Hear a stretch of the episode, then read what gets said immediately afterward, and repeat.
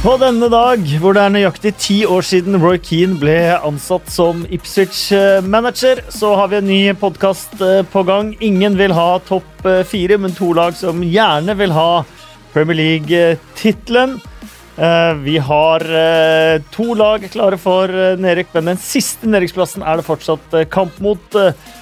Solskjær at the wheel, men uh, hjulene de er i ferd med å falle av både for Solskjær og Manchester United. Men skal vi kanskje heller hylle Everton for den uh, prestasjonen de hadde?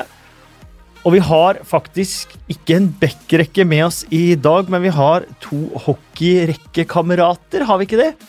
Mener dere har spilt hockey sammen, Henrik Elvestad og Erik Thorstvedt? Ja, det var ikke det første jeg kom på når jeg møtte eh, Erik her, men det stemmer vel, det. Vi har vel kanskje vært i rekke, både spilt med og mot hverandre? Ja.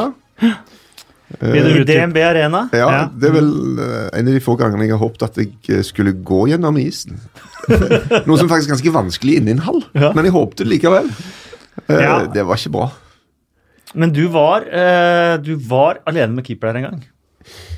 Du vet at uh, Dette var en sånn uh, Sukka-arrangement, og så hadde de en sånn såkalt kjendismatch før. og Det er jo lagd for at folk skal uh, kunne kose seg og le. Og det er helt fair, du er med på de premissene, men likevel, selv om du er med, og du vet at du er kjøpt inn med det for øya, så er det enkelte situasjoner som oppstår så du tenker at dette er for ille. Altså, dette er bare så pinlig og flaut og ræva at Nei. Og så sitter sønnen min på tribunen og ser på, og pappa skal gjøre han stolt. Og du vet at det er sjanseløst. Det er så sjanseløst. For jeg har spilt en av de kampene, jeg òg. Vet jeg hva du skal inn på her, Kasper, tror jeg. Ja, og, ja, og for, for, det første så fikk jeg jo kjeft av sønnen min da jeg kom på tribunen for han mente at uh, jeg var ræva. Uh, og for det andre så er det sånn, noen ganger så slår den derre Eh, du vet, sånn fylleangstgreiene. Men så tenker jeg sånn åh, Og så har jeg litt sånn fordi at eh, jeg var jo ufin mot deg, Henrik. Ja, du mener jeg, Dette er hockey, Kasper. Jeg, har jo, jeg tåler såpass. Men du du traff litt med Jeg skjønner ikke hvordan du fikk det til, men du klarte å takle meg på et eller annet vis der, så jeg gikk ned. Det var vel litt sånn uh, ganske nærme vant òg. Det, var, det var en stygg takling. Det var en, uh, en klassisk i hvert fall fem minutter for boarding hvis vi hadde spilt på ordentlig. Jeg føler at han prøver å tøffe seg litt opp her. Jeg opplevde det ikke, jeg opplevde det ikke sånn. Altså. Jeg tøffa meg ikke opp i det hele tatt. Jeg mener at det var ufint. Ja, okay. ser man nummeret på motspiller så står inntil vantet, så skal man holde seg, holde seg unna, og det gjorde jo ikke jeg. Du har en sånn enforcer-gen, du. du Nei, bare, jeg tror det lite skøytekontroll kontroll, lite kontroll på skøytene, tror jeg det går på. Mm. At du ikke klarte å stoppe. Det var det. Så klarte ikke jeg å stå imot, selvfølgelig. Nei. Så kom den vaskekroppen din inn i min, og så ja. ble det patetisk. Ja, og det er jeg veldig dårlig svittet uh, for. Så får jeg, nå får jeg sagt en offentlig unnskyldning for den, uh, Henrik. Det er helt greit. Du kommer til å få igjen. Uh, det er sånn rent pedagogisk som i hockey, som du ser, Kasper. Altså, blir du bitte litt bedre sjøl på ishockey av å se så mye hockey? Det tror jeg man gjør på alt. Ja, det ja, gjør man. Det gjør man. Ja, ja. Eh, man har litt forståelse for uh, litt romforståelse på isen for hvor, hvor, man i hvert fall skal være og bevege seg. da. Sånn jeg har bygget min idrettskarriere, det. Ved å se på idrett på TV og så prøvd å på en måte visualisere og ikke trene så mye, men egentlig prøve å gjøre akkurat det de gode Men du har jo sett på mange ting som har gått galt, da. Du har jo en forkjærlighet for det, føler jeg. Ja, både ting som går galt, men også ting som går bra, da. Men uh, fra min egen idrettskarriere så kan det virke som at jeg har sett på mye ting som har gått galt. Det er sant. Ja. Uh, for da kan vi egentlig begynne med spørsmålet uh, fra Vidar Dale. Kitzbühel på nytt eller andreplass i ligaen? Uh, nei, det er jo ikke tvil. Jeg hadde jo ofra livet i Kitzbühel, jeg er lett, for at det skulle bli Premier League-tittel. Uh, til Liverpool. Ja, til Liverpool, ja. Mm. For all del. Jeg hadde jo ikke kjørt ned Kitzbühel for at City skulle gå da, Men uh, ja, når det er sagt, jeg hadde jo det hadde, det hadde sittet langt inne og sett utfor der en gang til. Det er litt sånn der been there, done that. Og godt er det. Ferdig med det. Ja, men ja. altså, for det er bare helt sykt, det. Altså, det, du ser det ikke på TV, liksom, hvor ille det faktisk er. Nei, Det er det som er så irriterende med det prosjektet. at Det må alltid, det er sånn der du, De som har vært der, skjønner litt mer av hva det er. Men det, det ser jo ikke så bratt ut på TV som det er, nei. Og Det fikk jeg erfare da jeg kom ned. At ja. oi, oi, oi, hva er det jeg har stelt i stand. Og for at en uh, rekke skal bli komplett, så har vi også med Espen Ven. Takk. Hei, hei. Har du hatt en fin påske? Hatt en strålende påske. Bare si Apropos uh, dette programmet ditt, da, Henrik, så har jeg en far som jobber i Vålerenga. De var veldig imponert over hvor raskt du tok uh, hockeyen. Oh, ja. Så det, det går gjetord der fortsatt om uh, dette er jo hyggelig å høre. Bra, du, bra du gjorde det der. Man føler seg aldri helt sånn Altså, eller man, I perioder føler man seg kanskje bra, men problemet når du er, altså filmer alt du gjør også, så får du sett det i ettertid på TV, og da ser ofte ikke så bra ut som du huska det eller følte det der og da. Men da var det antakelig så bra som du følte. Ja, kanskje. Men apro, ja, for apropos det, uh, Kitzbühel. Ja. Uh, at det ikke ser så bratt ut uh, som det er. Nei. Så ser det ikke så vanskelig ut å spille hockey som det faktisk er å være på et visst nivå. Nei, for det er så sykt vanskelig. Hockey mot stjernen der, det er kanskje det som imponerte meg mest i Amatørenes mester. Ja, det er, Nå er det voldsomt med skryt, men det, det følte jeg var mye mer stolt av Kitzbühel-prestasjonen enn eh, de minuttene på isen der, altså.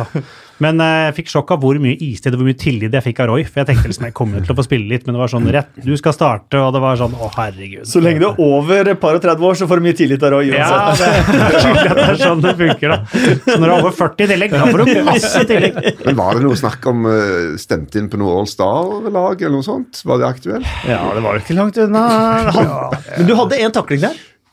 Ja, det er forsøksvis, i hvert fall. Ja. Jeg nådde bort, men uh, Nei, dere er, dere er jækla høflige, må jeg si.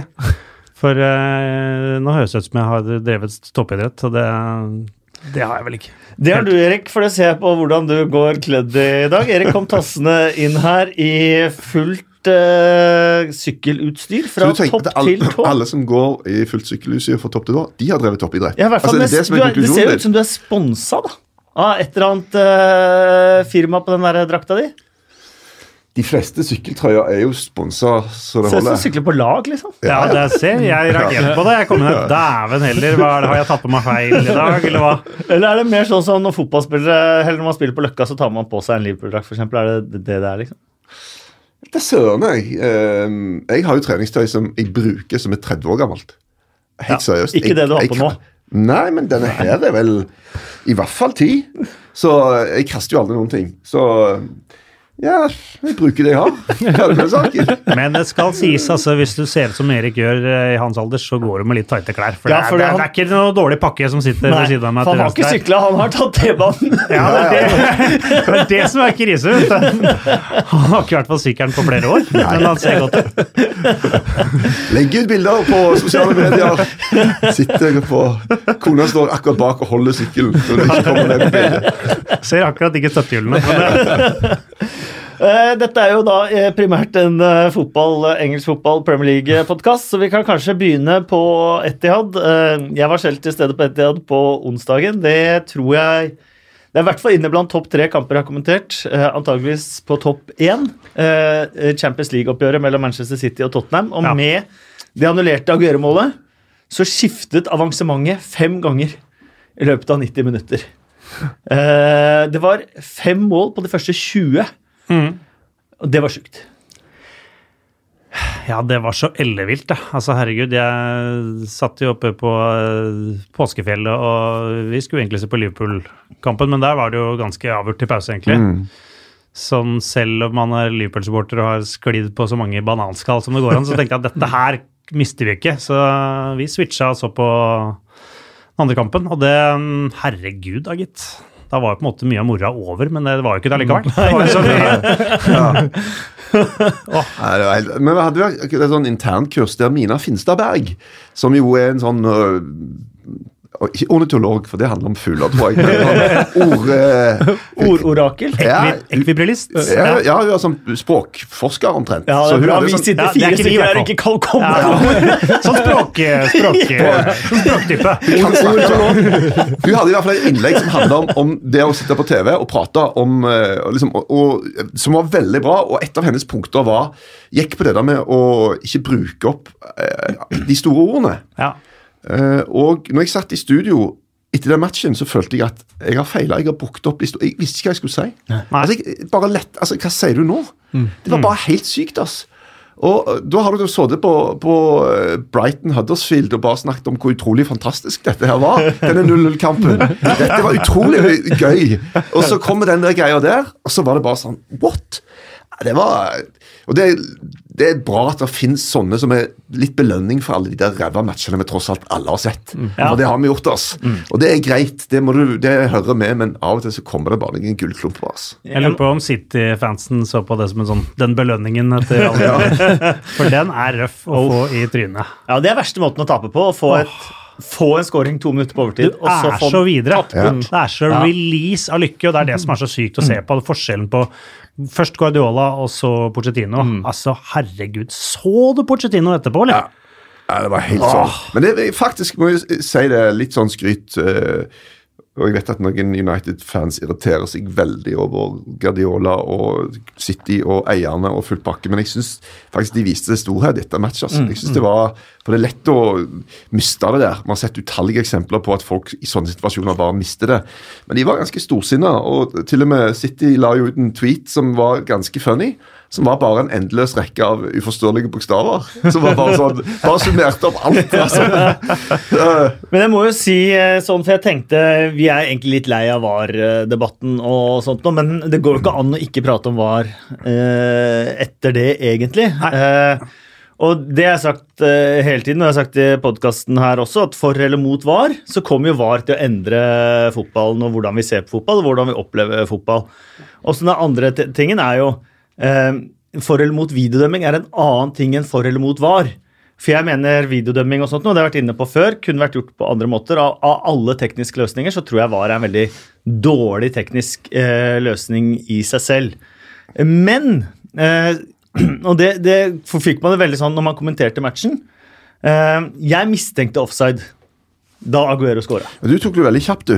Ja, men jeg mistenkte at det var Ja. offside da Du var først i verden til å tenke på det. Nei, nei, nei. Det var ikke langt unna. Men, men da må du ta et valg som kommentator. Eh, skal Mm. Ja. du først dyrke det øyeblikket som er der, og så ta det neste øyeblikket? Ja, det skjønner jeg. Eller, eller skal du, eller skal du idet den eh, kanskje avgjørende scoringen kommer, si dette her kan bli var. Og så nuller du på en måte litt et øyeblikk hvor Guardiola løper nedover Ja. linja, hvor folk kaster seg inn blant publikum og sånt noe. Jeg valgte den første, selv om jeg mistenkte at dette kanskje ikke kunne bli, kunne bli avgjørende. Men det jeg tenker er at dette er en av de siste gangene man opplever egentlig sånn at en scoring på overtid hvor man kan gi seg 100% hen, den vil forsvinne med VAR. Og det sa vel en av Tottenham-spillerne også etter Jorentes scoring, at de turte ikke juble ordentlig Nei. etter at han scora.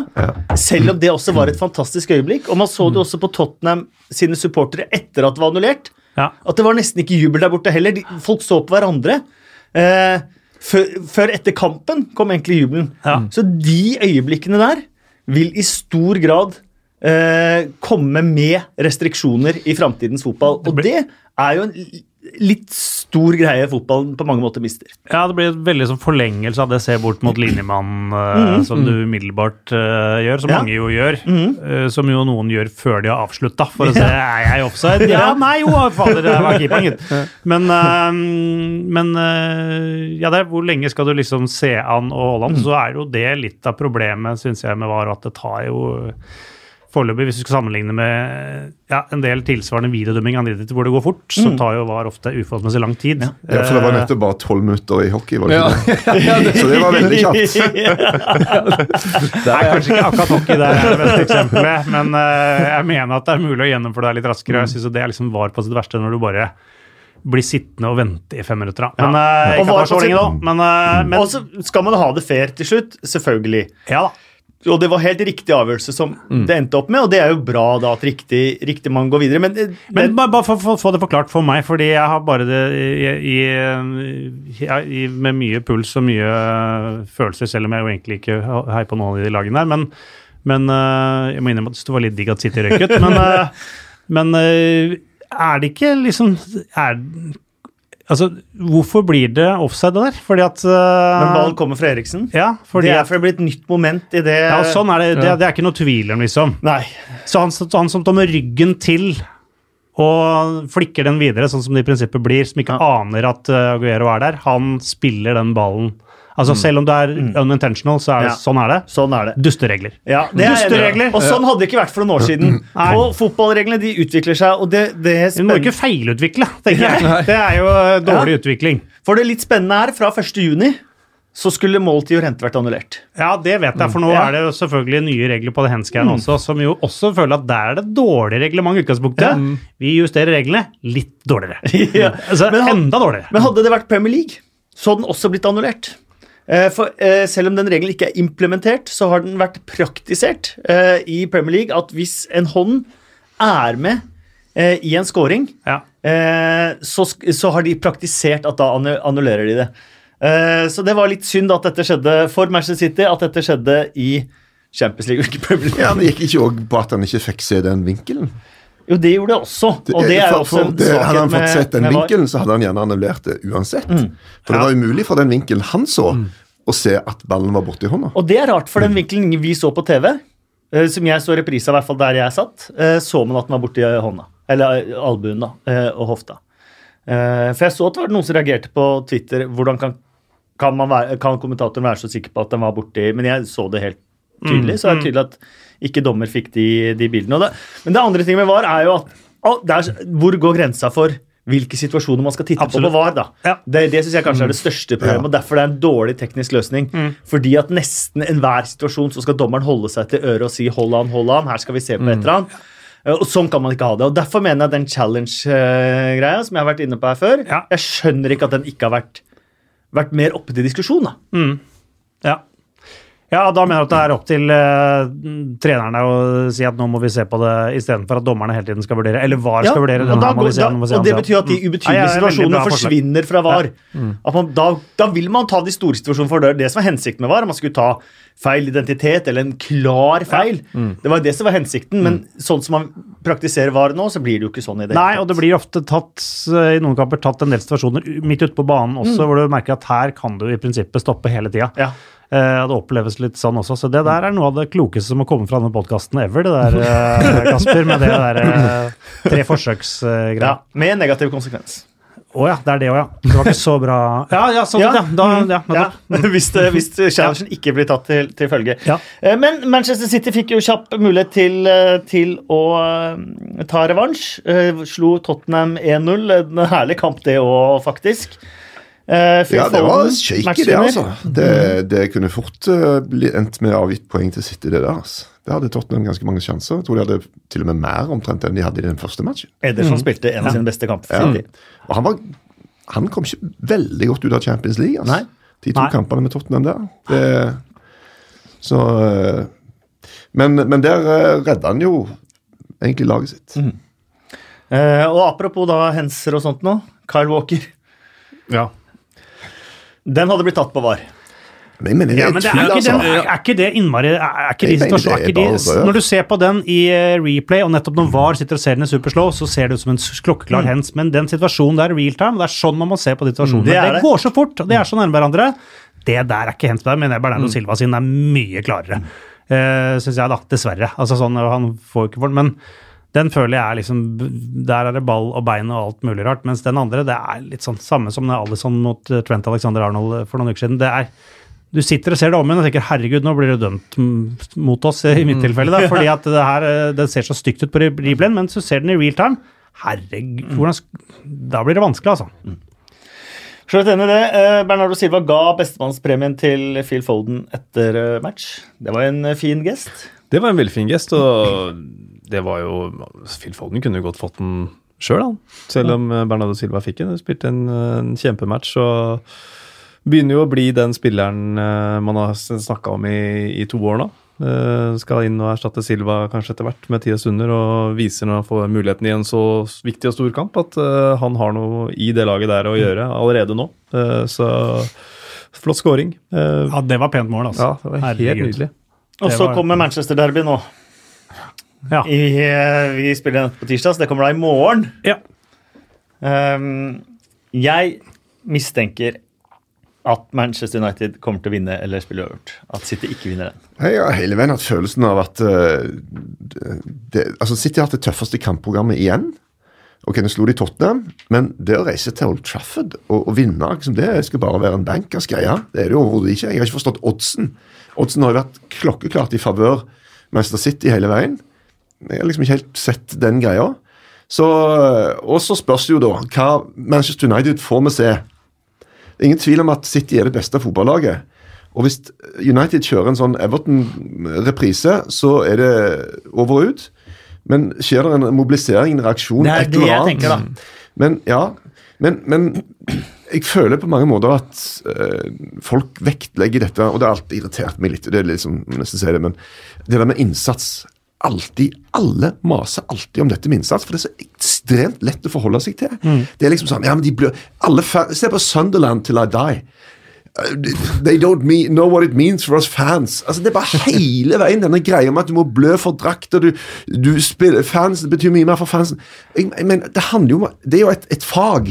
Det er jo, fotball er et fag. Det er et spill der det ikke bare handler om at du skal gi alt, men det handler om hva, hvordan løser du de ulike situasjonene. Hvordan leser du spillet? Hvordan samhandler du? Hvordan er folk på, på samme bølgelengde?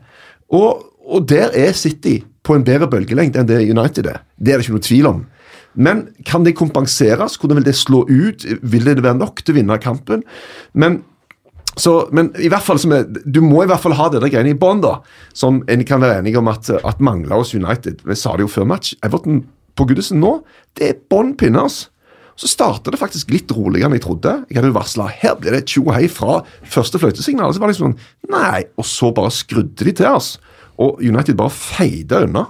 Det var nesten fascinerende å se på. Men jeg tenker da at det var jo en kamp uten ære for eh, Manchester United sine spillere på, på Goodison, og det har de vel i langt på vei sagt selv også. Og, så, eh, og en sånn spillergruppe som da åpenbart er vanskelig å motivere, eh, eller åpenbart vanskelig å få til å fungere. mm. Ja, det er jo et eller annet der. Men de Altså, har jo kommet dit de er fordi de har ære og de har ærgjerrighet.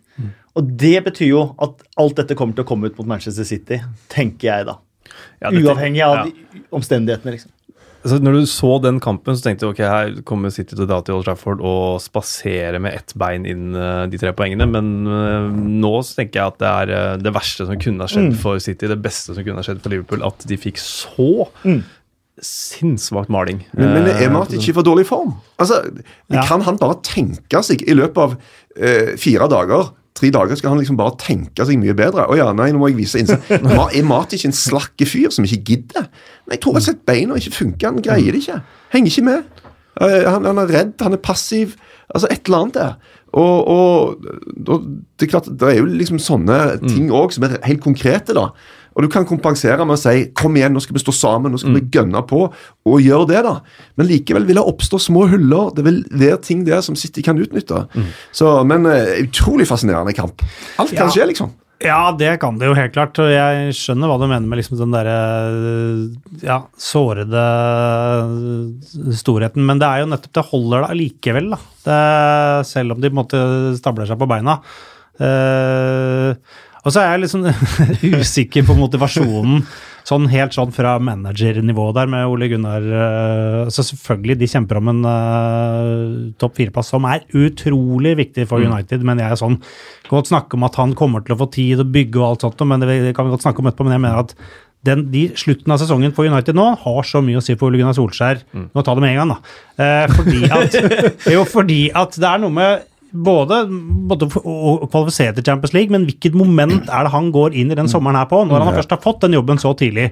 Fordi du kan si hva du vil om han, han har gjort alt de riktige tingene i forhold til, i hvert fall sagt de riktige tingene. Han er jo United-mann, han har på en måte klart å bygge opp, fått på plass en del ting i den klubben som han åpenbart har hatt behov for nå. Eh, så kan man diskutere er han rett, liksom, er han god nok manager, er han man to man og flink fotballtaktisk og sånt noe.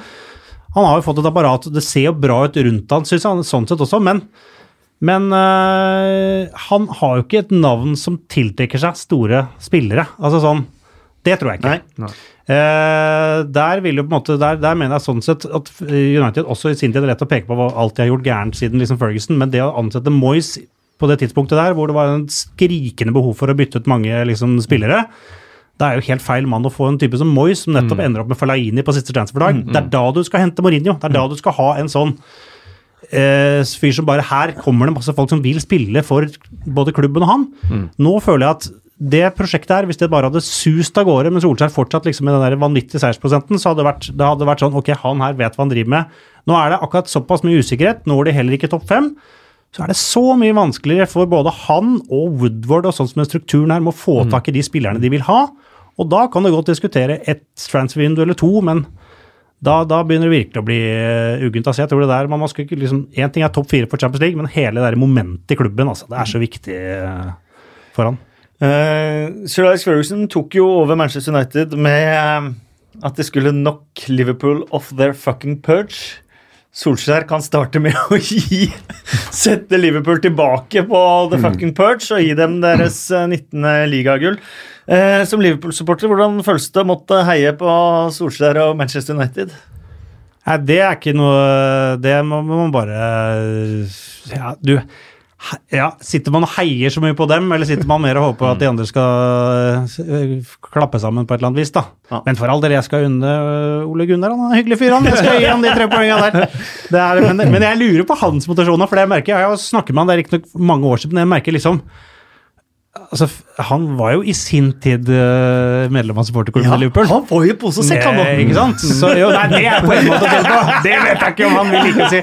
Men han, eh, han hater Liverpool, gitt. Ja. Altså, det merker jeg at hva, hvordan liksom oppdragelsen i den klubben er. Mye av det går på at du skal hate Og jeg skal love deg at de hater Liverpool mer enn City. Det, det gjør de. Så jeg tror jo du kan Undersøkelser nå blant eh, United-fansen igjen. Det var jo samme med Champions League i fjor. Vil du liksom at hvordan var det? United skal vinne FA-cupen og Liverpool Champions League, eller motsatt? Det var jo liksom 80-20, tror jeg, av United-supporterne som ville at vi taper vår FA-cupfinale mot at Liverpool ikke vinner Champions League. Så sånn tror jeg det vil være igjen. Men men, men, nevnte jo Mina. Mina Finstadberg tidligere. husker jeg også en sånn en blogg eh, om Solskjærs språklige virkemidler. Og det har jo vært veldig tydelig hva som har skjedd. Han har, liksom, han har bare snakket om We are Manchester United, liksom, og det er liksom bare DNA-en og Føgesen har liksom trykka på alle de rette knappene. Men nå, de siste dagene, så har han jo hørt litt ut som Mourinho. Ja, faktisk. Ja. Da har, det vært, da har han kontra med statistikk når han har blitt pirka litt borti i forhold til hvordan det har gått. Ja, men vi, hvis du ser, siden, siden vi kom inn, så har vi bla, bla, bla. Og, og nå liksom Ja, jeg vet ikke om spillerne bryr seg altså, Det er sånne greier, da. Og, og det viser bare at da, da, da, det er så dynamisk. da, Da vil alltid oppstå ut, nye utfordringer over tid. Én ting er å ta vekk trykket og ta vekk lenkene og slippe ting løs. Men så er spørsmålet tar de da for stor frihet. Benytter spillerne seg av det? Eh, kontraktsforhandlinger. Her plutselig med eh, De Gea som kan forsvinne. Du har problemer med Sanchez. Kanskje det dummeste United har gjort de siste sesongene, å hente Sanchez for den lønna. Det bare roter til absolutt alt. Dette er store egoer som, som ikke har lyst å, å vite at noen andre her kjenner mer enn meg. Det betyr noe internt. Jeg har en kompis som heter Eirik. Han, eh, jeg vet ikke om han har det fra en film eller dokumentar, eller hva det var, men han mente at, eh, mener at enhver klubb burde ha en vice president of common sense. Eh, Fordi at Man tenker så mye i fotballklubber, og man planlegger og man har ditt og datt, og plutselig så har man rota seg bort i masse tull. Eh, Men en wise president of common sense som bare bryter inn hver gang man, eh, eh, man tenker for mye og, og, og, og går liksom litt over bord, Ja. så kommer wise president of common sense inn og bare sier vet du hva, dette Ja. her, eh, her setter jeg foten. Nettopp sånn- den ja, sånn Alexis er- Sanchez-overgangen Ja, ville Mm. aldri skjedd med en wise president of common sense. Men det er litt sånn du kunne hatt ja, i Liverpool også. Nå, nå ansetter vi Mario Balotelli. Skal vi egentlig gjøre det? Ja. Hør nå.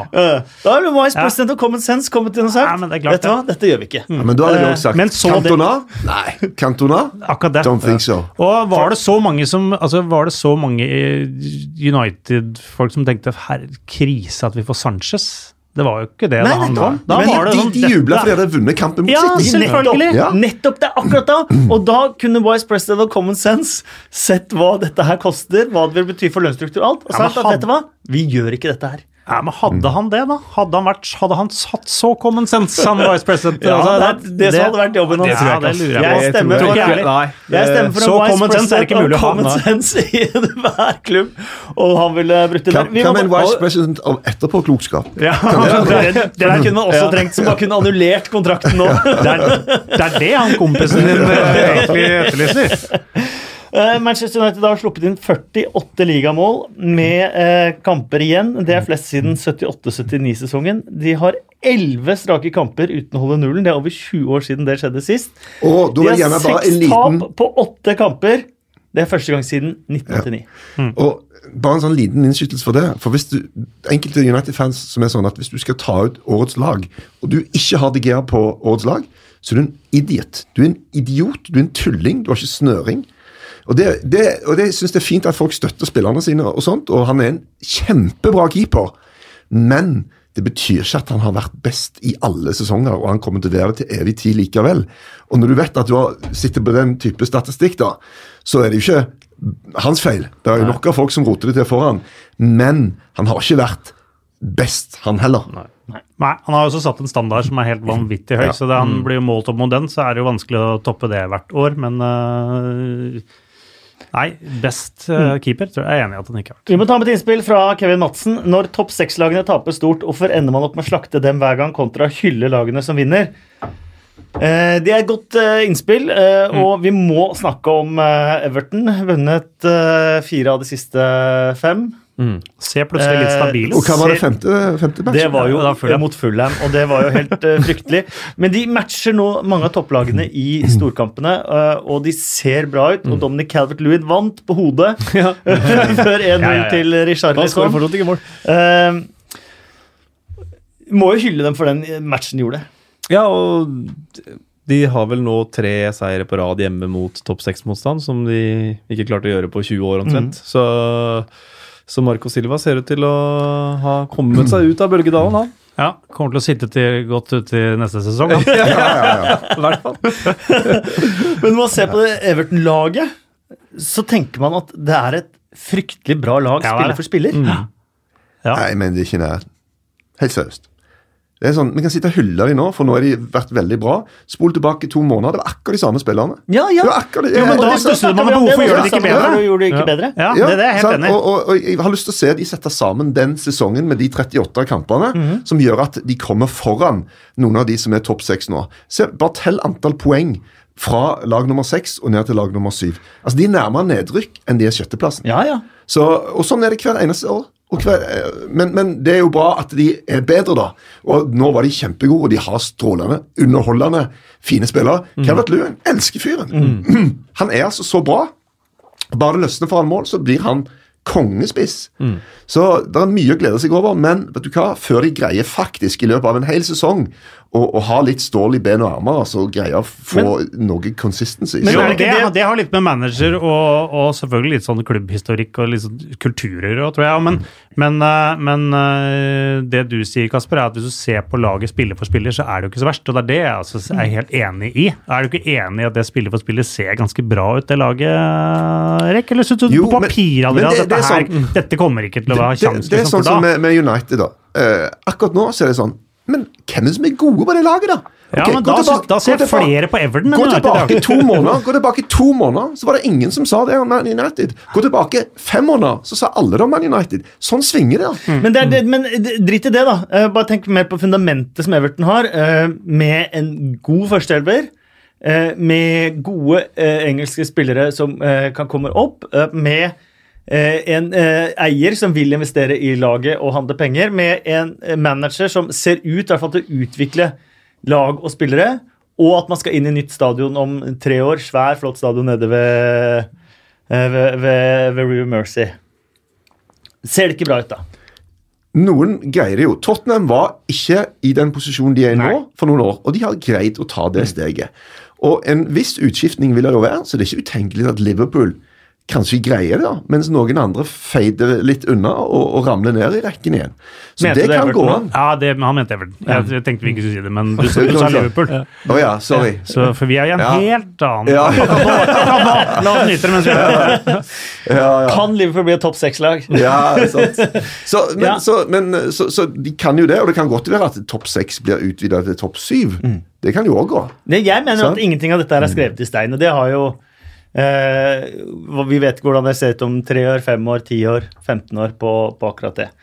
Men Everton definitivt et lag med, med det potensialet. Eh, Ja, men det har ikke, har ikke Wolverhampton òg det? Wolverhampton. jo, definitivt. De også skal bygge ut stadion.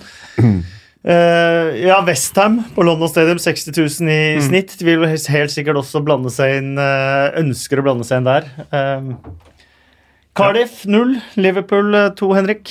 Ja.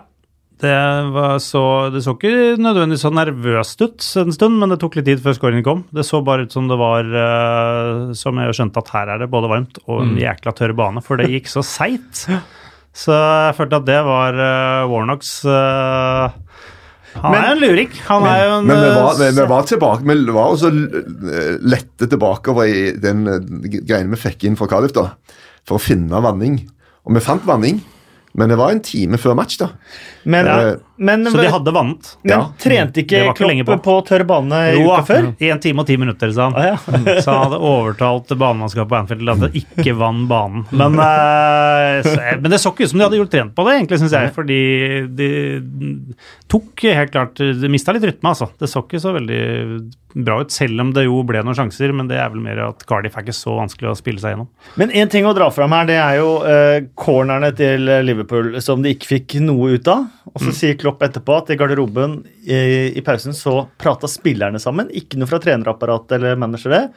At Veinaldum mente at han ikke ble markert på hjørnespark. Ja. Prøv en eh, lav variant eh, på det. Ja. Og så scorer de på det. Eh, du som har vært i en del garderober. Er det drømmegarderoben å ha? Spillere som bare ordner opp sjøl? Finner løsninger? Ja, men det sånn nå sitter vi med fasiten, da. Ja. Eh, og det kan godt være at jeg ordner opp i tusenvis av garderober, men det har ikke blitt noe av det uansett. så, men jeg, jeg, sånn som jeg forsto det, så hadde de det der på repertoaret, men ballen kom for høyt. Så de hadde det der greiene om at han skulle dra seg fri der. De prøvde på det tidligere òg, men ballen ble slått for høyt. da. Så, men det var i hvert fall veldig fint. Altså, Det er enormt gøy når sånne ting klaffer. da. For du ser at eh, corner er som regel altså langt innkast fra Everton på første målet. Det er jo kaos, eh, og så ender han i mål. Men dette her er jo presisjon. Det er jo distinkt, liksom.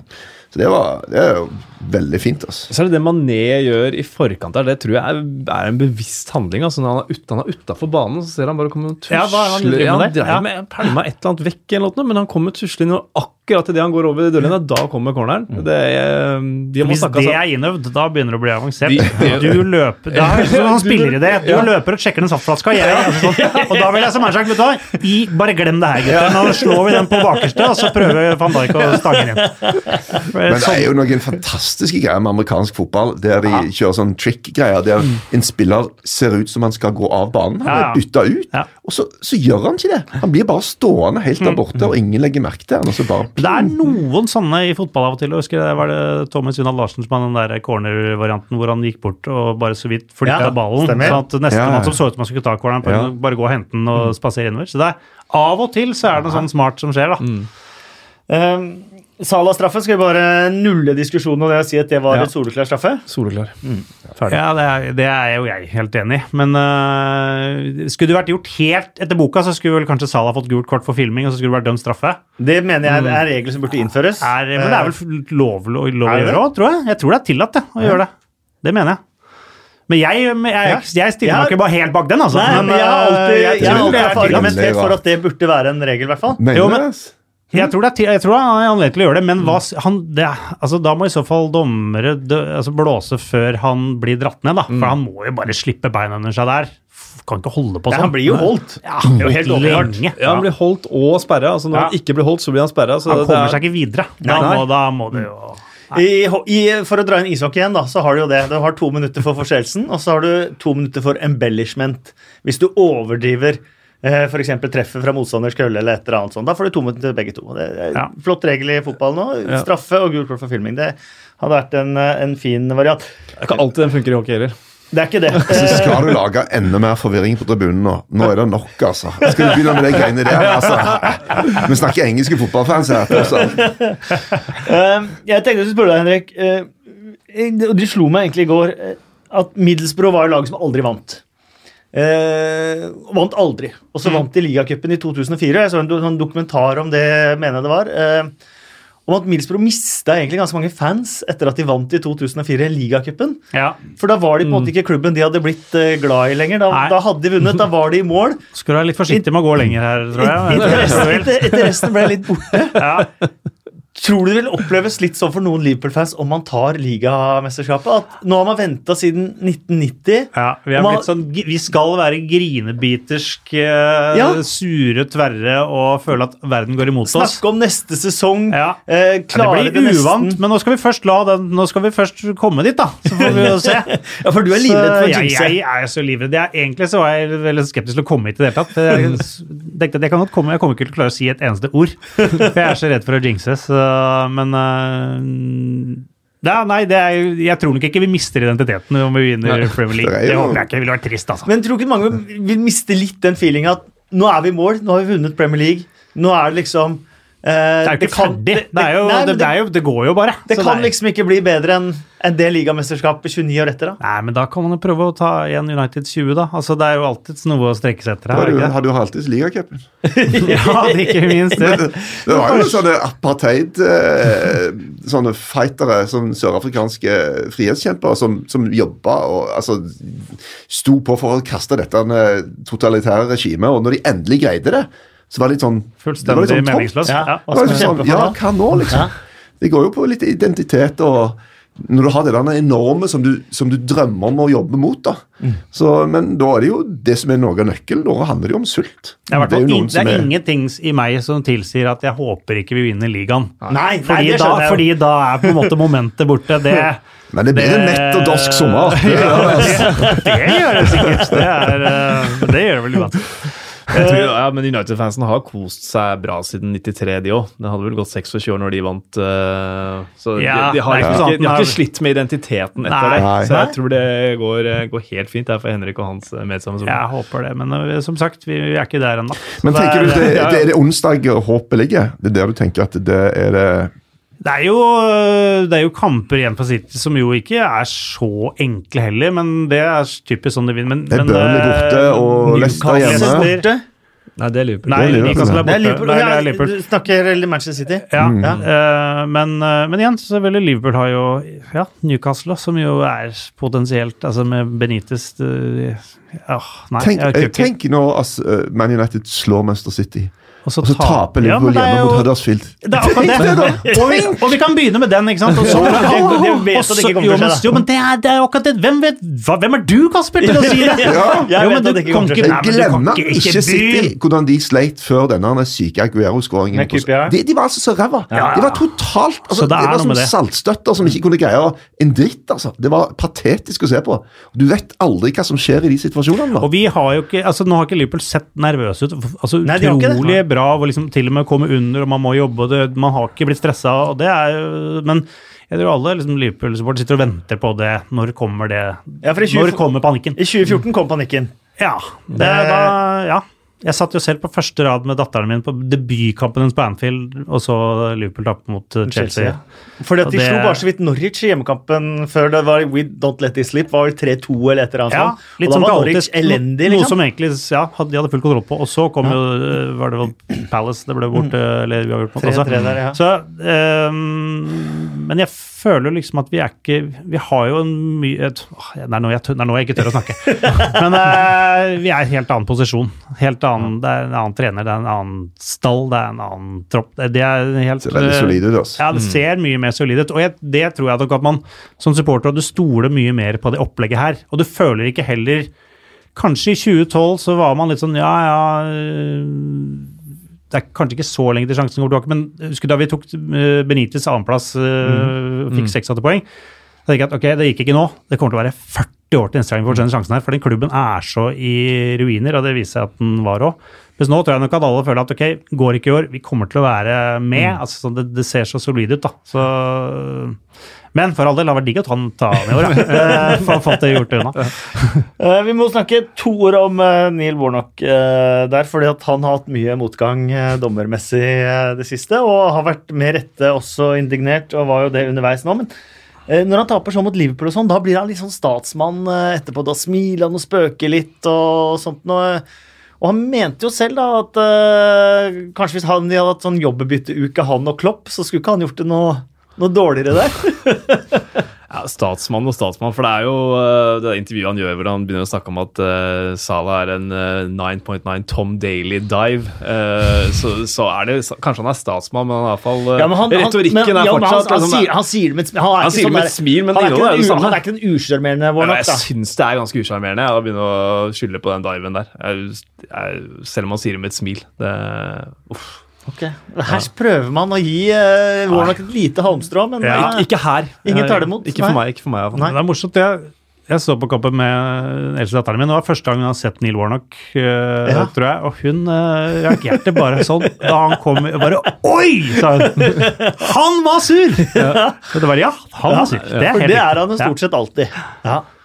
Men uh, han var ikke så Nei, jeg syns han var eh, Han var sånn som han pleier. Litt mye, ja. Litt Light mildere. utgave. Litt light utgave, enig. Ja. Mm. Han blir det ofte, han blir det ofte når det er store lagene hvor han liksom føler han skal menge seg liksom med de beste managerne. Da blir han litt mildere. Mm. Når det er Nuno Spirit og sånt, da blir han litt surere. For der føler han han er hakket over. Um, uh, Bit of class. Show bit of Class. Ja, den var legendarisk, faktisk. Um, vi var inne på at topp fire, ikke ønsker uh, topp eh, fire. Tottenham uh, tapte i helga. Eh, Arsenal tapte hjemme mot Crystal Palace i helga. Chelsea de klarte 2-2 mot Burnley. Det var det eneste av de som kjemper om topp fire, som tok poeng. For Manchester United tapte også. Spesiell kamp, egentlig. Hvilken av dem? Chelsea-Burnley 2-2. Ja, ja Fire mål på 21 minutter, og så var det Så tok Burnley sjukestua. Mm, var slitne. og da var de slitne. Ja. Det Det, vel- det skal jo Chelsea vinne, sånn ganske var, greit, egentlig. det, det var fem minutter tillegg, tror jeg, og du, du burde spilt ti. Ja. Altså seriøst, det var jo helt Og jeg forstår jo at eh, og Nå var det jo et eller annet med at keepertreneren til Burnley har da slengt et eller annet dritt til Sarri, som de da har sørga for å få med i, eh, i dommerrapporten. Sarri ble jo utvist. ja. Så det der greiene der altså, Det er av og til litt underholdende, syns jeg, når det blir litt knuffing og litt styr, men uh, dette virker veldig ondt blod, altså. Det, det fortsetter jo etterpå. Og, og de, de sitter såpass nær, da. Det er jæklig provoserende hvis du har en som sitter og slenger dritt hele veien. altså. Så jeg kan forstå at Sarri har jeg sansen for. Jeg aner ikke hva som har skjedd her, men, eh, men eh, jeg tror det skal litt til før han tilter. altså. Eh, ja, vi har jo sett de Det er jo ikke første gang det skjer på Stanford Bridge. Der begynte til og med Wenger og Mourinho å slåss. Så, Ja. så nære sitter de og står de, står de der. Veldig nære publikum også, så man får med seg mye av det òg. Men Dyesh mente at spillerne la seg ned pga. Uh, slitasje. Eh, De har spilt halvparten av Chelseas kamper cirka etter nyttår. Ja. Nei, det er du Hva skal man si? Det er, men gjør man ikke. Det er, du kan klage på det, men det er jo sånn Men er det sånn, dommeren sånn som skal ta tak i dette her tidligere?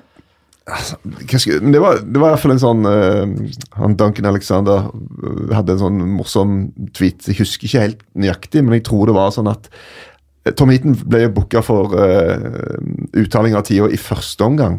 Og alle som har blitt gjort det mot i Premier League de siste fem åra, Så enten født i England eller har gått på skole i England. Så vi tenker altfor på de der utlendingene da, som får skylda. og De liksom kaster seg ned, og de filmer, og de har litt tid. Og, og så er det engelskmennene mm, som holder det. på. Ja. Ja, for vi hadde jo en variant der i Var det, var det Brentford Millwall? Jeg vet ikke om dere så det klippet, hvor det ble litt eh, bråk eh, og sånn knuffing, hvor alle kasta seg. Ja. Ja, jeg, etter én etter én. Eh, I det bråket så var det sånn hver gang noen kom borti noen, så kasta de seg ned og rulla rundt. Ja. Eh, og Brentford Milvold, det er kanskje noe av det mest britiske man får. Ja. Mm.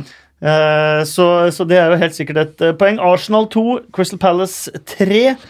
Bentekes siste scoring var mot Leicester 28.4.2018.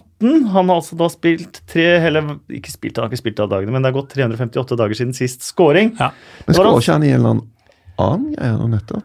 Nei? Nei. Ikke i Premier League, i hvert fall. Premier nei. Eh, det var hans 200. Premier League-kamp, da. Eh, det jeg elsker med en som ikke har scora på ett år, er at målfeiringen den er som om han skulle skåra hver helg. ja, men uh, Det virka som Arsenal-forsvaret tenkte det om Benteke også, at han der er bare la oss stå på femmeteren. Ikke noe problem, han goller ikke. Han sto så aleine plutselig der. Så, men så golla han òg, gitt. Uh, ja. Men Arsenal, da, som gjør seks endringer, setter inn på Jenkinson, Elneni, Mavropanos. Jeg tenker at de tok litt lett på det. Det, det så litt sånn ut, tror jeg. Ja. Så vinner de jo Europaligaen, da. Så det går greit. Tror du? Ja, Emery vinner jo, han vinner jo alltid Europaligaen. Ja, men det. eh, Ja. Chelsea altså, Det blir en tight finale. Valencia òg, da. Ja, ja. Valencia Jeg så. Valencia mot Betis i helga. De er Jo, men det sier du fordi Emery alltid vinner Europaligaen. Ja, Det flåsete, Det var det som var poenget. Ja, det var det som Det var et poenget. humoristisk poeng Ja, ja, Espen. ja, Ikke sant? spesielt ikke vi tok tak Det er bra vi har en komiker her Ja, som vet, å kjenne igjen det. Satt og humra her. jeg. Nei, men jeg tror de, jeg tror de tok, eh, tok lett på det. Palace er jo også, som mange andre lag, et lag du ikke blir klok på. da. De, eh, Vunnet flere borte enn hjemme. Ja, og vunnet på Emirates, ja, så åpenbart. Og Etihad. Det ble mye flyselskaper her. Men uh, Ja. De har vært bedre borte enn hjemme, ja. Det er spes, altså. Um, og så må vi snakke litt om forsvarsjobben til Mustafi på 2-0-målet der. For at, hva hva, Ja, det er ikke bare 2-0-målet der, det har vært hele alt han har spilt, spesielt etter nyttår. Uh, hvis ikke det, han er den første ut i sommeren, så skjønner jeg ingenting. Nei, det har ikke sett så bra ut, jeg er enig i det. Men uh, akkurat der så er det ja. Nei, der hadde jeg vært oppgitt, så hadde jeg vært Leno. For at, uh, han skal vel ikke nødvendigvis bare spasere ut og plukke den. Så Nei, men, det men det er sånn alt, alt på kroppsspråket hans tilsier at dette er jo frispark. Ja. Dette Ja. må, det er jo frispark. Ja, det er jo og så sant. fikk du se det på ny, Så det sånn, det er jo selvfølgelig men, ikke eh, det er jo ingenting. Eh, jeg så at et par av de engelske ekspertene kritiserte Leno fordi at han ikke er vocal etter å ha sluppet inn den. At han bare ser tomt ut i lufta. Eh, I han hadde ikke blitt forbanna. Ja, Ja. Keeperforeningen er de, uh, tar de Det i er forsvar mye der. greier. Liksom at, ja, men, altså, det, det er en fin kritikk å få. Et, etter at han hadde sluppet inn målet, så var han ikke høyrøsta nok. Nei, Rør. Rør. Um, Newcastle 3, Southampton 1. Um, det meste handler om Rafa Benites kontrakt. Den går ut i sommeren. Uh, får han penger å handle for, så kanskje han blir. Han var igjen sånn etter matchen at uh, vi har ikke et lag som kan kjempe om 7. til 10. plass. Mm. Det må vi nesten ha. Mm. De har kjøpt én spiller som kosta penger, det var Almiron. Og plutselig så har hele laget blitt løfta. Helt utrolig, egentlig. Eh, Av en fyr som ikke har én assist eller én scoring. Nei. Han har ingenting, men de har fått mye mer fart i angrepet. Og både Perez og, Og mye, mye Rondon mer har fart blitt mye egentlig bedre. på tribunen. Ja, ja. ja. Alt har blitt løfta bare med at de fikk kjøpt en spiller. Jeg tror nesten hvem som helst kunne kommet inn. Jeg så hadde det Nei. Sju av Nei, det er ikke sant. Petter Nei Kasper. vel. Sju av Sju av, sju av Peres ti ligamål har i hvert fall kommet etter at Almiron kom til klubben. Ja. Ja, men det er jo Pere som har gått av det målet, Så det er jo, Det er det, men- ja, men allikevel, det, er- det er jo uh, tall man sikkert kan uh, ja, gnukke og gni på å få noe ut av der. Men uh, de så bra ut, og Pere så jo utrolig uh, Så, så tror du kan legge Hvis du tar sesongutviklingen forrige sesong og den sesongen på Newcastle og bare legger de oppå hverandre, så tror jeg helt, helt Ja. likt. Altså, De tar en tur til Tenerife eller et eller annet i januar, og så kommer de tilbake og så bare begynner de å vinne. Altså, de har jo eksakt antall Newcastle har jo nå akkurat så likt antall poeng som de hadde i fjor. De har samme målforskjell. De har Helt samme riktig. antall øh, vunnet uavgjort tap, er det ikke? Ja. Klin blåkopi av blåkopien. Mm. Og de har klart seg. Det er jo imponerende. Det skjer noe i januar-februar med det laget. Ja, det og så, så har de gjerne én sånn strekke på høsten hvor de vinner en tre-fire kamper, og så dårlig desember. Og så har de en strekke på ti kamper der de ikke vinner Ja. noen ting. Ja. Eh, men eh, det, må, det kommer kanskje komme opprydning. Det de har sagt, er 50 millioner pund å handle for. Pluss Hvem har sagt det? Nei, det er det som står at det er det Rafa skal ha. 50 millioner pund å handle for, pluss at han får bruke det han får inn på salg. De, de la fram tall nå, og det er alltid interessant i Newcastle denne uka. her. Og Da er fansen som alltid hopper opp og ned og lurer på hvordan, hvor mye tar eh, Mark Ashley. Mark Ashley har jo Ja. lånt de rentefritt ganske mye penger. og Det skal jo han ha tilbake. Eh, Og det er for så vidt fair enough. At klubben skal kunne gå rundt på egen Ja. hånd. Men eh, Ja. de aller fleste fotballfans mener jo at eierne skal bare pøse inn penger, egne penger, og ikke forvente å få det tilbake igjen. Og Det, det er jo ikke en, en riktig måte egentlig å drive en klubb på. Så, men ja, det er helt riktig. Og, og John Shelby, som har da 32 minutter med Premier League-fotball, eh, og han er 100% frisk, får ikke komme innpå.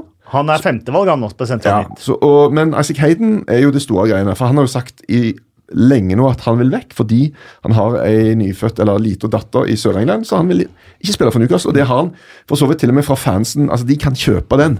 At en spiller vil vekk er ikke så populært, men det er et ganske bra argument. da.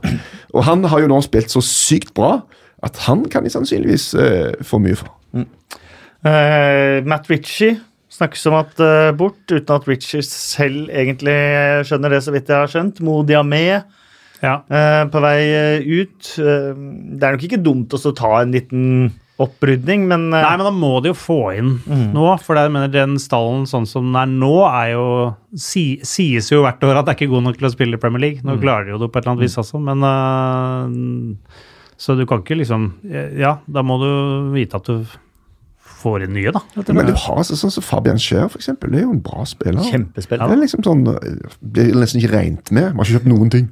Noen spillere. Nei, men det er, man blir nok litt ute av nå, men ja. Jeg skjønner frustrasjonen, i alle fall. Så 15, fem poeng foran Cardiff. Eh, fire meget overkommelige kamper. Vi regner dem i Premier League neste sesong. ja. Ja, Enig. Hasenhutel han venter på 40 poeng, men det trengs ikke, trengs ikke denne sesongen. Westham 2, Leicester 2. Var det med ni mål på sine ti siste. Arnautovic uten scoring siden 2. januar. Eh, ser veldig dårlig ut. han gjør det.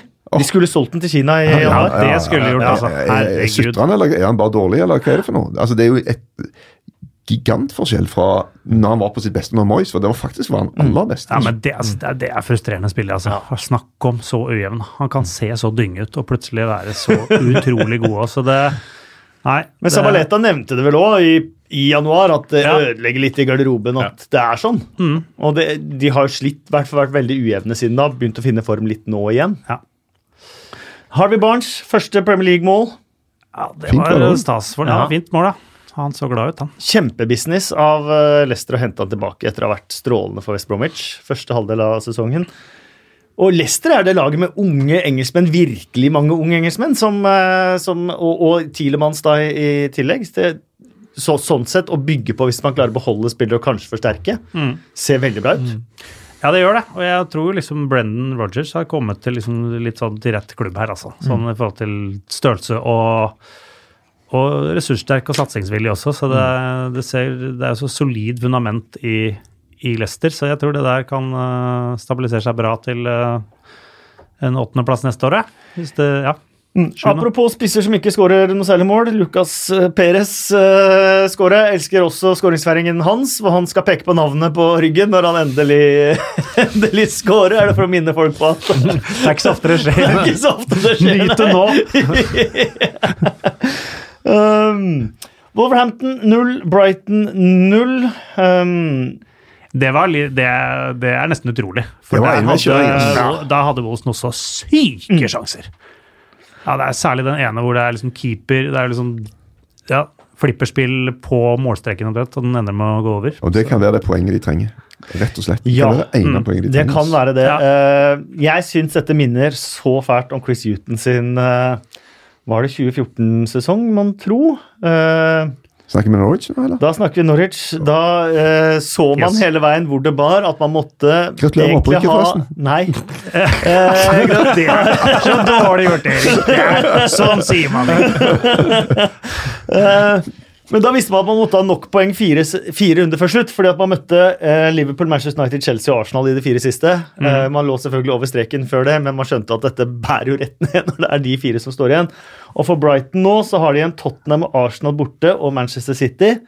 Men de har også den ene matchen hjemme mot Newcastle hvor de kan berge seg på. Der tror jeg faktisk at de må ha ett, kanskje tre poeng. Ja, tror du det. Ja, Cardiff er det Cardiff Arena. Er de så Ja, Fulham borte, Ja, og så har de Palace hjemme. Og Manchester United borte. Ja, Så de har to, i hvert fall to, kanskje tre kamper de kan få, mm. få poeng på der.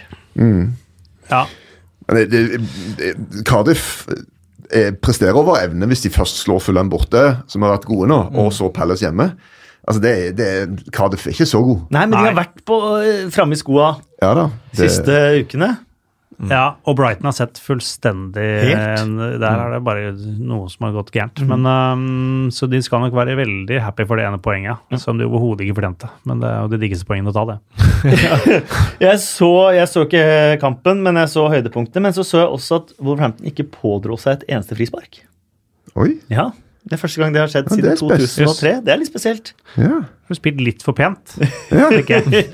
Gå litt hardere enn har. Husker vi hadde en eh, Da spilte Chelsea, husker jeg. Mot Wigan 6-0. Ja, Når det ikke var ett eneste frispark i første omgang. Nei, corner. Da snakker vi ikke om samme kamp. Nei, da snakker vi ikke samme kamp. Den kampen husker jeg òg, Ja. den du nevner nå. Ja. Men en match òg der vi satt liksom, fra det 40. og bare sa ingen, Ikke lag frispark nå. Ikke lag frispark. Det var ikke ett frispark i hele første omgang. Og Det er fattig trøst, da. Ja, at du, ikke, du vinner ikke, men vi, har, vi lagde ingen frispark. Men da kommer mamma og så klapper deg på hodet. Og nå var du flink. Ingen frispark. David Propper, jeg tror han spilte ti minutter uten å verne ballen. Ja. Det gjorde han. Det er også ganske- veldig spesielt. det Å, herregud, det altså, da- han ble bytta ut, da. Da har da Da hadde han ikke ja, ja. vært borte en eneste. vært best uten ball. Men han, så ble han bytta ut Ja, han ble igjen. skada. Han hadde ikke vært borti ballen. Dette høres ut som meg på fotballbanen. Sånn innhopp på Røa spillag i sin tid. eh, Ja, ja, ja. Nei, nei, jeg var ikke om ballen egentlig. For jeg ville helst ikke ha den. da blir det bare rot. Så det- var ikke mye ballkontakt. Huddersfield 1, Watford 2. Diolofeo Deolofeo med ni ligamål denne sesongen. Den første er jo en liten perle. Ja, han, altså. Men Huddersfield bare taper og taper. De henta Carlan Grant fra Charlton i januar. Han har starta seks ligakamper og kommer antageligvis til å ende opp som toppskåreren til Huddersfield denne sesongen. Med fire ligamål. Mm. Hvor mange mål har Huddersfield? Er det 19? Ja, Det var vel det åttende de hadde på hjemmebane. Ja, men de har 15 mål. Eller, sånt. ja, det, er, det er helt uh, Det der er, er så svakt. Hva er det svakeste poeng Har Sunderland lavere Nei, Derby, hadde 20 er de oppi. Ja, 20 mål. Ja, 20? 20 mål, ja. Derby, 28 hadde de forrige sesong. Derby poeng- vant én kamp, de. De fikk 11 poeng, tror jeg. Ja. Fordi Sunderland fikk 15, husker jeg. Og da bodde jeg i Sunderland og kjøpte meg trøye med 15 på ryggen når de rykka ned. Eh, De fikk ikke 11 poeng, vet du. De fikk ikke så mange. Derby? Ja. Jo, Jo, det var 11, jeg tror Var det var 11. Ja, fordi det var, litt, det var litt tungt det i Sunderland at Ja. den rekorden som var så ræva, ble slått. Ja, Så- etterpå, liksom. Åtte uavgjort, da. Én seier, åtte Ja, uavgjort. noe sånt. Ja. Ja, okay. En seier husker jeg. De slo Newcastle. Det var den ene seieren de fikk. Mm, Men allikevel, Huddersfield har vel tre seire i år, er det det? Om det er så mange? To mot Wolverhampton, i hvert fall. to mot Wolverhampton, ja. Ja. Uh, Bournemouth-Fulham 0-1. Fulham har vunnet eh, to på raden, og det hjelper veldig lite. Bournemouth uh, tapte uh, igjen. Um, Spesielt å se etter kampen hvor altså det så ut som uh, føler jeg Scott Parker hadde vunnet FA-cupfinalen. eller altså Det var helt sånn Der sikrer vi, mm. der sikrer vi opp Ja, men har han det? Altså sånn Jo, men hvis de vinner nå Nå har de da Cardiff neste gang. ja. Det er jo ikke mulig hvis de vinner den. så han, altså Da er momentumet riktig, da. Du snakket om momentum i forhold til Man United. Jo da, det er jo for fe- hans Med Ole del er det Gunnar så starta det så sykt bra, og så har det blitt dårligere. Og det er ikke en bra greie. Nei, nei. Men hvis det går andre veien, så Men det, er- det, det likevel så, litt sånn supportere litt sånn too little, too late, føler jeg. altså sånn, Du kan ikke juble så mye for at det rykka ned i havet nå, men jeg skjønner jo for hans personlig at øh, Jeg tror bare glemte at han ble filma der. Det, så- det, det bare så litt rart ut, syns jeg. For det var takke alle og være sånn ja, for, for en reise, gutta! Ja, Men du så jo han Huddersfield-manageren, apropos Jan Sivert, den ene seieren han fikk også mot Ja da. Wolverhampton, han nesten slo ned egne spillere i ren glede for den Ja. ene seieren som ikke betyr en dritt. Nei da, Ja. man blir jo glad. Det, Elsker for øvrig Fulham-supporterne som hadde kledd seg ut i Syden-varianter der og lagde et kjempeliv. Det var fest. Ja. Det er stas, da. Når de kan eh, Litt sånn galgenhumor kanskje òg i det, men bare stemmer seg for at ok, vi skal ikke spille Premier League på en liten stund, men mens vi er her, så skal vi i hvert fall kose Ja, oss. ja. Eh, Apropos det, må jeg bare også hylle Ipswich uh, sine supportere. Både etter at de sikra nedrykka på hjemmebane, hvor de ble igjen, og nå også hvor de hyllet eh, både manager og lag etter eh, nok et eh, tap mot Swansea. Og sånn, Det er bra at man kan gjøre det. Vi må snakke om en keeper her, Wayne Hennessy, for han det var jo sånn på Instagram. Max Meyer, Crystal Palace sin tyske mann, de feiret vel bursdagen hans. Tok bilde av selfie med laget av tyskerne. og Han sto og lagde Så det ut som, i hvert fall. Han sitter hit- bak der. ja. Hitler-variant eh, med barten over med fingeren over nesa og, og, og heilet. Det var definitivt sånn det så ut. Og så ble han jo tiltalt for dette her eh, av FA, men frikjent. Ja. Rett og slett eh, fordi at han visste ikke hva det betød. Ja, men det er ikke derfor han ble frikjent. Nei, han ble Han ble ikke han, han, han, han viste Han bilder av jo- Han sier jo at han ropte til fotografen. Ja. Sier jo selv og at at han, vis, han viste bilder av at dårligste unnskyldning. Ja. Ja, Ja. og at han både liksom skulle Det er sånn veive vekk liksom, så jeg får tatt Ja. bildet med Ja. hele hånda, og at den bartefingeren var med for at han skulle lage en slags ropert Ja. av uh, hånda. Stemmer. Kan du ikke bare si vet du hva, jeg dreit meg Ja. skikkelig ut her, jeg aner ikke, det var kokt over. Ja. Utrolig dårlig humor. kødde med Helt tyskeren, liksom. uspiselig. Ja. Skulle kødde med nettopp Max Bayer, det der var helt Ja. uspiselig. Må ikke begynne å si 'stolen min vippa litt bakover', jeg kom i ubalanse, hånda gikk opp, og da tilfeldig Altså, ikke begynn på det der! Men det funker jo. Det funka. Det er jo frikjent. Ja, sånn eh, juridisk, men vi sitter jo og snakker om han som en idiot. Ja, og frikjennelsen, frikjennelsen kom jo faktisk med en anbefaling om at han tok seg skoletimer for å lære litt om den andre verdenskrig. Ja, men Eh, altså Det er Harry. Redknapp er sitter- i rettssalen og sier at han aner ikke hvordan en mobiltelefon funker. Alle skriver en tekstmelding. altså helt uh, Bankkonto i Monaco. Nei, jeg, jeg kunne aldri vært med på noe sånt, for at jeg er jo helt idiot. Og så stiller han plutselig opp og reklamerer for en, ny kryptovaluta som har kommet. Eh, og, og, og, og, og, men, men folk glemmer fort, da. Men Altså, en rettssak er én ting. Dette her er to kampers karantene for en idiotisk ting for en reservekeeper. Ja. ja, så mener jeg skulle bare tatt den. Ja, og sagt sorry, dette her var helt idiotisk, dette var dust, det var en spøk. Men jeg Alle- mener, jeg, jeg, jeg, rent, altså, Det er helt umulig å dømme han på de greiene der. Fordi at en, en, en skikkelig forsvarsdude altså det, er helt- det er jo en plausibel forklaring. Nei. Å kunne si at dette, hvis du tar et bilde på feil tidspunkt, så ser det akkurat Bak en sånn tysker. ut. Se på det bildet av Erik. Herregud, ja, det der er men- jo ikke altså, plausibel jeg mener, Hvis, hvis O.J. Simpson greier å bli frikjent for de greiene der, Jo, men så kan du ikke dømme Wayne Hennessy fordi et bilde som er tatt akkurat i det øyeblikket. Det som jeg syns er mer oppsiktsvekkende, er jo Alexander Sørloth, som ser ut som han ikke har det gøy. Som sitter rett foran. Men, men jeg, jeg tenker det å Som ikke koser sak seg med dette nazihilsen-greiene. Altså, han må jo være med på moroa. Nei, Så dere Cantona sin eh, tweet? Nei. Det var jo ganske morsomt. Han la jo en sånn lang grei forklaring om at han i 1996, eh, på vei ut av banen eh, hos Crystal Palace, hadde sett en, en veps som nærma seg en liten gutt på tribunen. Og eh, hvis du tok bildet akkurat i feil øyeblikk, da, så så det kanskje ut som han prøvde å sparke en i trynet. Men det var bare denne vepsen han ville ha vekk, da. Understreker du jo vårt poeng, Ja, ja, ja. Erik. ikke sant? Så det er, Han Så- må jo bare ikke begynne å Her har kjeften begynt å gå, merker jeg. Så han merker at her har jeg nå har jeg begynt å folk si noe glemmer fort altså, husker Husker ikke det Ja, men folk hadde, glemt, hennes greiene allerede hvis ikke han hadde kommet nå at han måtte gå, gå ta historietimer. Ja, men han, han ble anbefalt, han kommer ikke til å gjøre det. Hæ? Han, Nei, han ble anbefalt, han kommer ikke til å gjøre det. Så vi kommer til å huske den situasjonen av den Jeg, grunn. jeg mener, Det er umulig å dømme han. Han hadde begge- hvis- begge hendene i været i stedet Hvis han én. bare sagt at Men han, han- det var jo tull å begynne å si Jeg aner ikke hva en, eh, Hitler-hilsen er. Altså, det var jo eh, Og dette er en fyr som har lagt Det sånn kunne han bare gitt F i. Men jeg mener. mener er rent juridisk Nå eh, vet ikke Rent juridisk er helt, og han ble jo frikjent, så det har du rett i. Men jeg mener, det er der jeg mener at man må av og til liksom heve seg litt over og Ja. tenke at du må ikke undervurdere folk såpass mye. Altså sånn fordi at du er litt dum sjøl, da. Så må du ikke tenke at alle er like på det samme nivået. Så nei, det der måtte han bare tatt på strak. Altså, jeg dreit meg ut ferdig med det. vi vært, og da hadde alle vært ferdig med den Det saken. jeg og nå er han jo litt sånn laughingstock fordi at han må gå At han blir anbefalt Jeg mener TV skolen, liksom. 2-sporten burde ha oppfølgersaken Bli med når han skal ha de historietimene, og lage reportasjen. han Og sette skal- liksom hva sitter Han skal ikke ha de historietimene! Det ble anbefalt, men det ble ikke pålagt. Nei, nei, nei, men det her, det her, men som sosialist skal man komme med en god idé til en sak. Da, ikke sant? Så komme med til hennes side og si at du, hør her nå.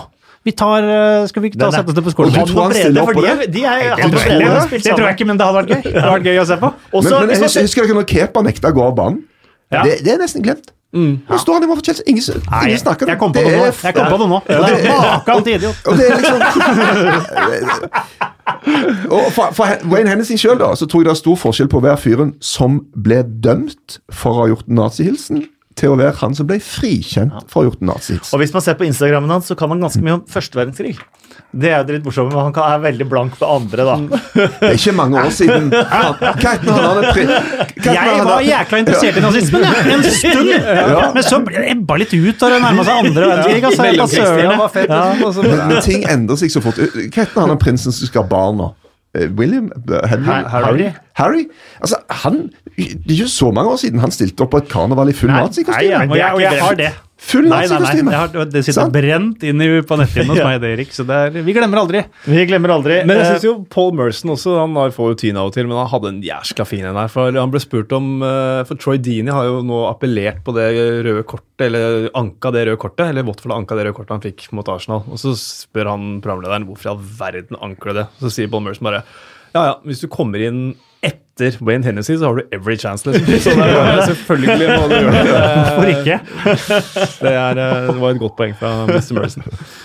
Um, Jeg har bare én ting. fordi at uh, jeg, jeg la ut på Instagram uh, noen bilder fra, fra Manchester, og så kommer det sånn derre Og Man City og klubb uten historie, og så er det Loserpool, og så er det ManU, og så er det alle de greiene der som Og jeg bare det, det, bare tenk på det, det er norske supportere av engelsk lag som skal hevde sin moralske overlegenhet oh, ja. av laget de holder med oh, i England. this means more.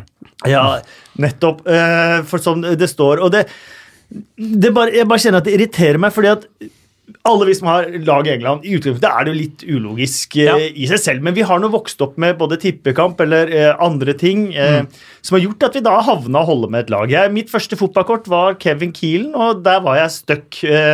Med et lag som kaller seg Canaries, mens jeg er fra Oslo og egentlig ikke har altfor mye til overs for Lillestrøm sånn, egentlig, men jeg endte nå opp, opp der, da. Med å holde med Norwich. Og sånn har alle andre endt opp med et lag, om det er Manchester City eller om det er Manchester United eller Liverpool eller Everton eller hva det er. Eh, og så kan man ha flaks eller uflaks både med eiere. Portsmouth hadde veldig uflaks. De havna uten spillere i league 2. Eh, Manchester City havna med arabiske eiere som har nok av svin på skogen av, eh, av mange årsaker. Eh, Etc.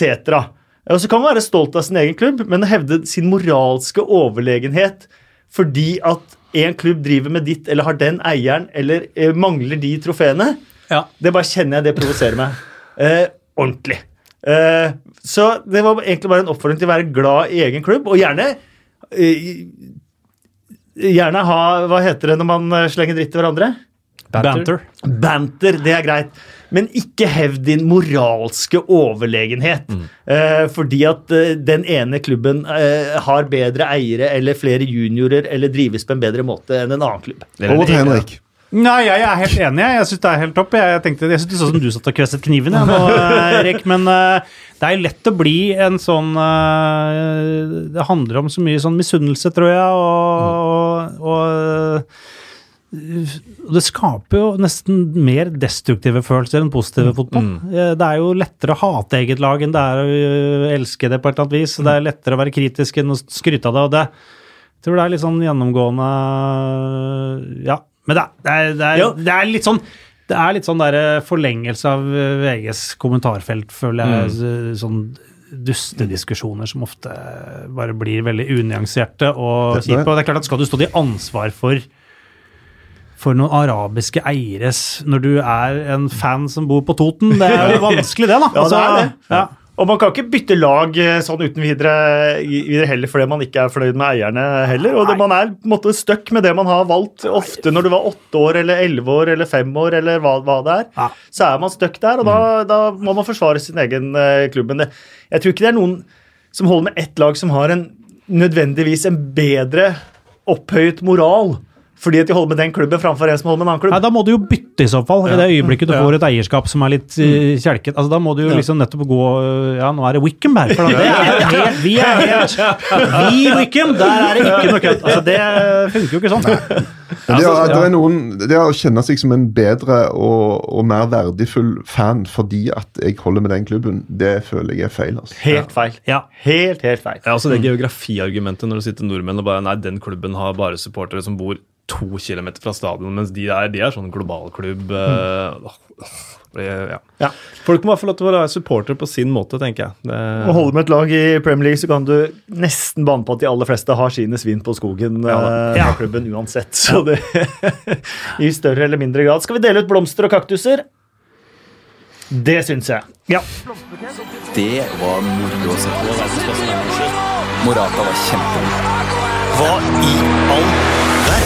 Det er lov å si hvor mye det provoserer meg. Han snakka ikke om seg sjæl, han snakka om dommeren. er, er det noen noen ja. som har lyst til å dele ut en blomst? Eh, Er det Sean Morrison for bommen der? Ja, det er jo, ble jo Det var jo dere i studio som påpekte at uh, Alison er borte igjen, ble det påpekt, vel? Ja, Vi så det utrolig mange ganger, og det var nesten umulig å se, men det var et eller annet med spinn på ballen som Ja. var bare sånn en, Og det skal så lite til, da, i en sånn situasjon. Bare Men, en eh, liten touch. Godt observert av dere, altså, for det Jeg pleier å følge bra med, men det klarte jeg ikke å se. Jeg tenkte bare at han Han hadde jo spådd uh, Sean Morrison Han hadde vel, har vel Liverpool som tittelvinner Ja. for ganske lenge siden, rundt nyttår. Han håpet! Ja. Det var liksom ikke bare det at han trodde, han håpet det. Ja. Så han fikk jo understreket det bra der. Jeg velger å hedde med ryggen. Og lage straffe etterpå. Ja da, ikke minst det. Men eh, nei, det, det var helt, et helt uvirkelig øyeblikk. For det ser ut som ballen går i natt, på et eller annet vis. Sånn, bare nei. Og så bare hæ? Det syntes på Neil Warnock òg. Ja, det er sant, det. Noen andre blomster å dele ut? Eh, ja, er litt Harvey Barnes da, for debutskåringen til Ja. eller, det, er litt, Ja. det er koselig, men det er kanskje ikke en, det blir mer en liten nellik. Blir kanskje ikke skikkelig... Jeg er, litt- jeg er litt oppe i, oppe i nord, ja, altså med Newcastle. Ayose Perez. Eh, Ja. Ayose Perez, mm. blomst, eller at eh, Miguel Almiron kan få med seg en blomst i, Ja. gråtende inn i garderoben. og så ser jo, altså han har, Gutten har bare lyst til å spille fotball og lyst til å imponere og lyst til å få den skåringen eller den assisten. og så må han gå av. Det er en lårhøne, så det er liksom ikke, det er ikke karrieren, karrieren er ikke slutt. Men allikevel så griner han. Kanskje derfor han griner? Må jeg ha for en lårhøne? Ja, ja, ja. Men nord- nordmenn er jo veldig glad når ting går bra for nordmenn. så vi liker jo det godt, og Hvis det ikke er tilfellet, så kan vi utvide det til Skandinavia. Og Hvis det heller ikke går, så kan vi ta med hele Norden. Og da tenker jeg Gylfi Sigurdsson kan være en bra kandidat. da. Ja, ja. For uh, han er jo en av oss. Ja. Han er jo eh, han har er vårt. DNA i kroppen sin, ja, ja, ja. eh, og var ekstremt bra. Ja. Og hva, hvor mange skåringer har han nå? 11 eller Jeg tror han er mer enn det. 12? Til og med. Det, det tror jeg det er, men, såpass. Men det er i hvert fall eh, Ja, han er god, altså. Det var ingen som merket at jeg ikke kunne svare på det nå. Nei, jeg ser mot Kasper, og jeg, og jeg har lagt litt press på ham. før. du kan alt om fotball, men merker at det, du kan jo ingenting. Kasper. En illusjon. Nei, men, men eh, i hvert fall uh, Gylfi. Ja, men Blomst Var det så lite liksom som skjedde da? Det må jo ha vært noe mer som sto ut enn det. Jeg, Jeg mener innlegget til Rondon på 2-0 er kanskje Ja. Det er sjukt Ja. bra. Eh, ellers så Kim Kreklin Sande mener blomst til Benteke. Eh, Som endelig fikk ja. Ja. scoring sin. E- Eirik Bolaug er enig. Får ikke Benteke blomsten, så vet ikke jeg. Ja. Samtidig er det litt sånn som eh, Crystal Palace-supportere har sett på det greiene der week in, week out, og så mange brente sjanser, og til slutt så gjør du det du får betalt for, så skal du få blomst òg.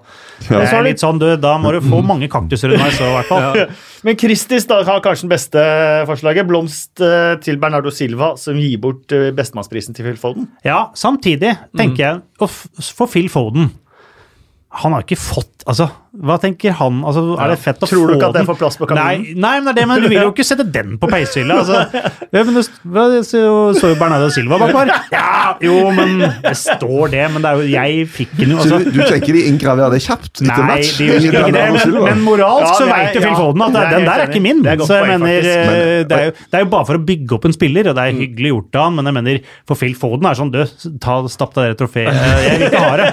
Men jeg har jo hørt hva som skjedde i City-garderoben etterpå. Da kommer jo Bernardo og Thank you, Phil, I'm taking this one back. Ja, Så én ting er det som skjer på TV, noe annet er det som skjer bak lukka dører. Ja. Disse Ghana Guest stjal jo Sigurdsson sin. Han har liksom bare Leter du etter denne, leter du etter denne? Det var en video, så han har tatt med seg bestemannspremien til Sigurdsson. ja, men, Ja. Ja. Det var, hvem da? Uh, Disse Ghana Gay. Han uh, bøffa, bøffa prisen. Hvem blir blomst? Da stemmer jeg for Bernardo Silva, jeg, selv om den ikke gjør seg Jeg på stemmer for. Ayose Perez. Da gir vi til Øystein Perez. Jeg stemmer for Phil Foden, som må ha, leve med dette trofeet som ikke er hans da, for evig og alltid på peishylla. Da stemmer jeg for Bernardo Phil Perez. Ja, Jeg syns faktisk at Henrik sitt eh, forslag skal få vinne. Eh, Phil Foden får den. Oh. Eh, øyeblikket. Og jeg har gitt en blomst til en City-spiller, det var jo merkelig at jeg var med på det. Men det er hyggelig. Det ble dette. vi skal jo være sjenerøse overfor andre lag. og alt det Det er kanskje Sean Morrison. Nei, jeg tenker det når, når United får sin første avslutning på mål i det 86. minutt. Ja. Kan det være det? Det var sykt, faktisk. Og hjemmepublikum applauderer. Ja. Ja. Ja, kan... Espen, hva vil du si? Jeg kan, eh, jeg kan være med på den, jeg. Det blir, ofte- det blir, ofte- nei, det blir ofte sånn skåring. Nei, det er litt honning. Det, det er er litt honning, men etter den kampen. Men det er jo et kampen- øyeblikk, definitivt. Det er et og det er jo og det Det er jo helt surrealistisk for en klubb som Manchester United også å tape 0-4 på den måten de gjør mot uh, et uh, Everton som har vært Og det, liksom, de, det er så mange som sitter og du, du har Edgar, Bill Edgar, og så har du mange andre òg, og det bare ramler inn på sånne stats etterpå. Første gang siden 1979, første gang siden 1988. Har ikke sluppet inn så mange mål. Altså, det er Ja, vi har vært gjennom en del av det uten Ja. å komme til Bill Edgar ennå, for Bill Edgar Ja. kommer jo med enda mer. Men det er ofte sånne skåringer og sånn som, som blir der. og Det er jo Beinaldum sin skåring og den, de jubelbildene etterpå der. Jeg syns det er fett, altså. De der må, Enig. Måten, Enig. måten det, altså hvor mye det, det er blant annet Det lå et bilde der med sola i bakgrunnen og Veinaldum som eh, skriker og hyler. Nei, Han det- klarte ikke helt å slutte å gjøre Nei, Han det. mange som Ja, og så en til! Og én til, gutt! og bare gir seg ikke. Nei. Og det er vel bare hans andre mål på bortebane i, ligaen eh, gjennom uh, hans engelske Ja. karriere. Han skåra på Wembley mot Tottenham, og så skåra 19 han nå. hjemme. Ja. Og jeg skåra fire mot Norwich på St. James' Park der en gang. Ja. 6-2. Det var tungt. Ja. Mm. ja, det skjønner jeg, Kasper. Gratulerer med opprykket. forresten. Ja, skal vi snakke litt om championship òg, eller? Er du- Eh, Det er kanskje farlig for meg å sette igjen Kasper Vikstad Nei, vi, vi kan gå til ukens ukjente. Hva øyeblikket er Veinaldum. Ukjente helt. Der har jeg faktisk skrevet Harvey Barnes. Ja. Eh, for han kom fra en strålende halvsesong i West Bromwich, og da han dro fra West Bromwich, så var jo de absolutt med i kampen om å rykke opp direkte. Der er de jo ikke lenger. De har til og med endt, endt opp med å sparke manageren etter at Harvey Barnes dro. Mm. Vært et veldig friskt pust, men har ikke fått den scoringen sin før nå. Uh, og er jo litt igjen av Englands, en av Englands uh, framtid. ja. Det er mange av de. det er veldig mange av de for tiden. eh, Det er jo uh, det er ikke mer enn et par-tre år siden at spiller du i Premier League og har engelsk pass, så får du nok sjansen for England på et eller annet tidspunkt. Ja. Sånn er du ikke lenger. Nei. Nei, men det var et hyggelig øyeblikk, det, altså. Jeg syns det var uh, og pent mål. Jeg likte den historien din Erik, med Isaac Hayden, som liksom har fått uh, aksept av hjemmepublikummet for at han vil flytte sørover. og Han stjeler jo ikke mange overskrifter. Nei, det er jeg. Og han var helt uh, sånn usannsynlig viktig i den seieren de hadde nå. Han var Men hva, han vil flytte hjemover fordi at uh, familien og ko- Eller er det noe Ja. sykt barn som må behandle Eller er det eller bare at de bor, at det de må bor på det? en annen del av Hvis de ikke har det sykt barn-elementet, så, så er det ikke så Jo, men, hør- jo, men hør nå! Ja, men hør nå. Han er gjerne litt kynisk her nå, men hvis du ikke klarer å få kona og ungene til å flytte opp der hvor du spiller Men vet du at det er kona? Så, så du mener at mannen jeg skal bestemme uansett? Så kvinnen kvinnene skal ikke ha noe hun skulle ha sagt? La oss kjøre Henrik litt her nå. Hvis de ikke er, Jeg tenker jo sammen, at- og hun vil bo i sør, og han vil være nær barnet sitt Ja, ja, det, Dette er jo ny informasjon for meg. Det er derfor jeg spør da, sondere litt sånn. For Men vet den kyniske pleier å være Erik her, skjønner du. Ja, men jeg tenker liksom hvis, for, for, uh, hvis det bare er sånn at jeg vil bo uh, i nærheten av familien min, men de vil ikke bo med meg, Ja. så tenker jeg at da må du gjøre en overtalelsesjobb og si at her jobber jeg, nå må du ta med deg den Ja, For jeg tror kanskje ikke han er sammen med mor. Nei, Men da vil bo blir nær barn. Ja. Det er hyggelig å være glad i barna sine, altså. Det er, Er du litt på glid igjen? Ja, ja, nei, jeg skal, jeg skal gi en sånn delvis eh, Men nå skal vi begynne å gi blomster for dette her, eller hva er det? Det er rett før Jeg føler meg som Ivar Hoff, jeg nå. Jeg- Ja, vet du hva? Et, jeg, et øyeblikk følte jeg Henrik var, var liksom på vei mot å stille spørsmålstegn om det egentlig var hans barn. Har vi noe bevis på at det faktisk nei, men jeg tenkte bare hvis han ikke får familien til å flytte etter, så er det litt sånn Skal han da bli hyllet for at han ikke får til det? Men det er klart at hvis det er en sånn situasjon, så, så er det jo så er det jo et øh, flott øh, Vi må veie opp for kynismen til Henrik her nå. og Men tenk om det ikke er hans barn, så er det tidenes mest kyniske grunn til å ikke bli pipet Ja, ut ja. på egen Og hjemmearena. det har jo skjedd. Ja. Eh, Hvem var den irske landslagsspilleren som uh, takket nei til lands... Steven Island? Steven Ireland var det. Han Stemmer fant opp både tanters og bestemødres død Ja, ja. for å slippe å spille på landslaget. Ja. Ja, det er, det er Så det har skjedd. Ja. Så vi får ta og Jeg sjekke tror litt til og opp, med da. Drepte en til slutt bare for å få rett. Ja, det var, Da fikk han kaktus. Eh, Hvem skal få kaktusen?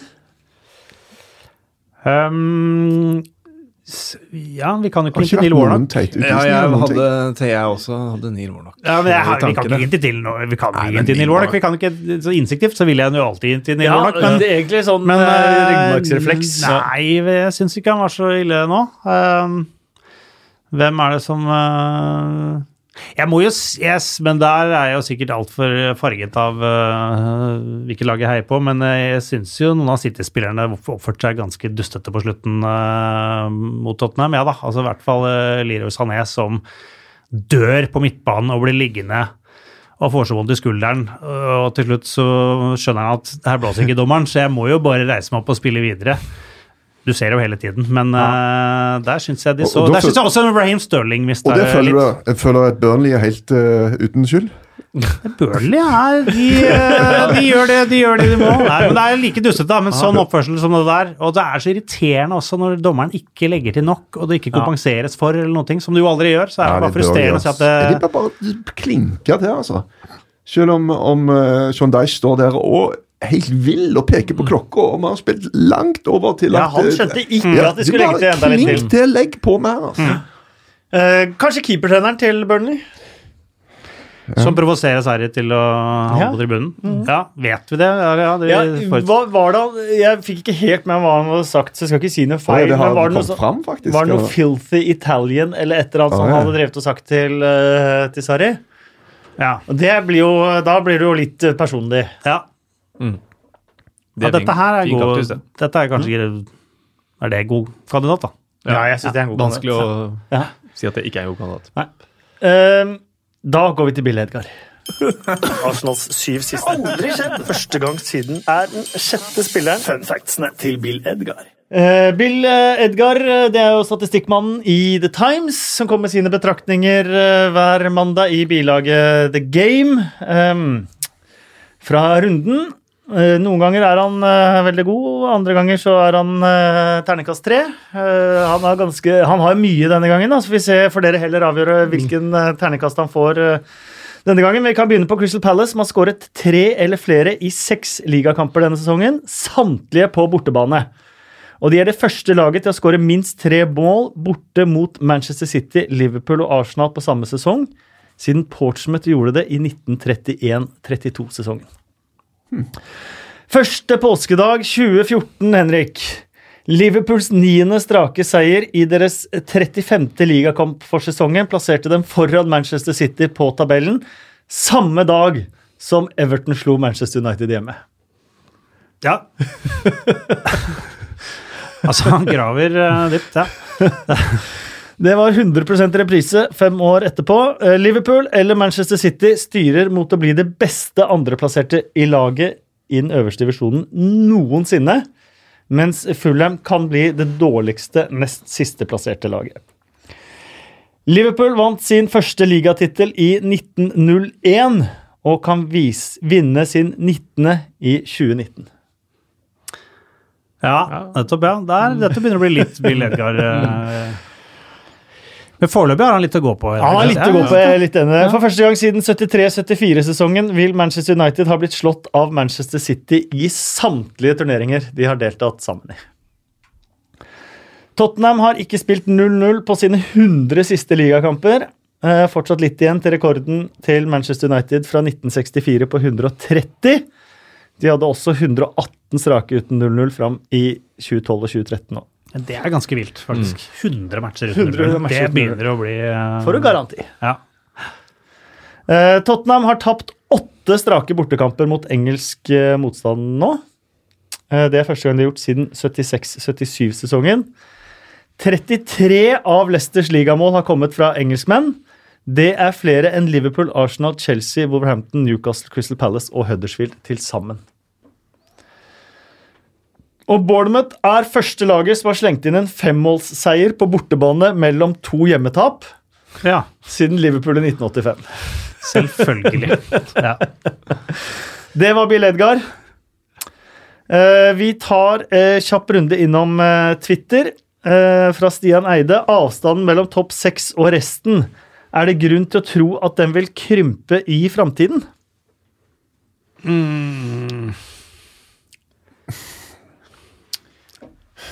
Altså, det, At han skal være helt statisk, er jo kanskje det minst sannsynlige. ja, det er jo Så veldig han bør enten vokse eller bli mindre. Men det er jo det har blitt enorm forskjell, altså. Det, før sa han jo alltid det er ingen lette kamper i Premier League og knalltøft, og det er jo ikke sant.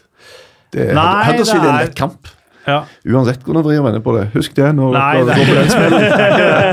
Det er ikke det i det hele tatt. Det er knallhardt.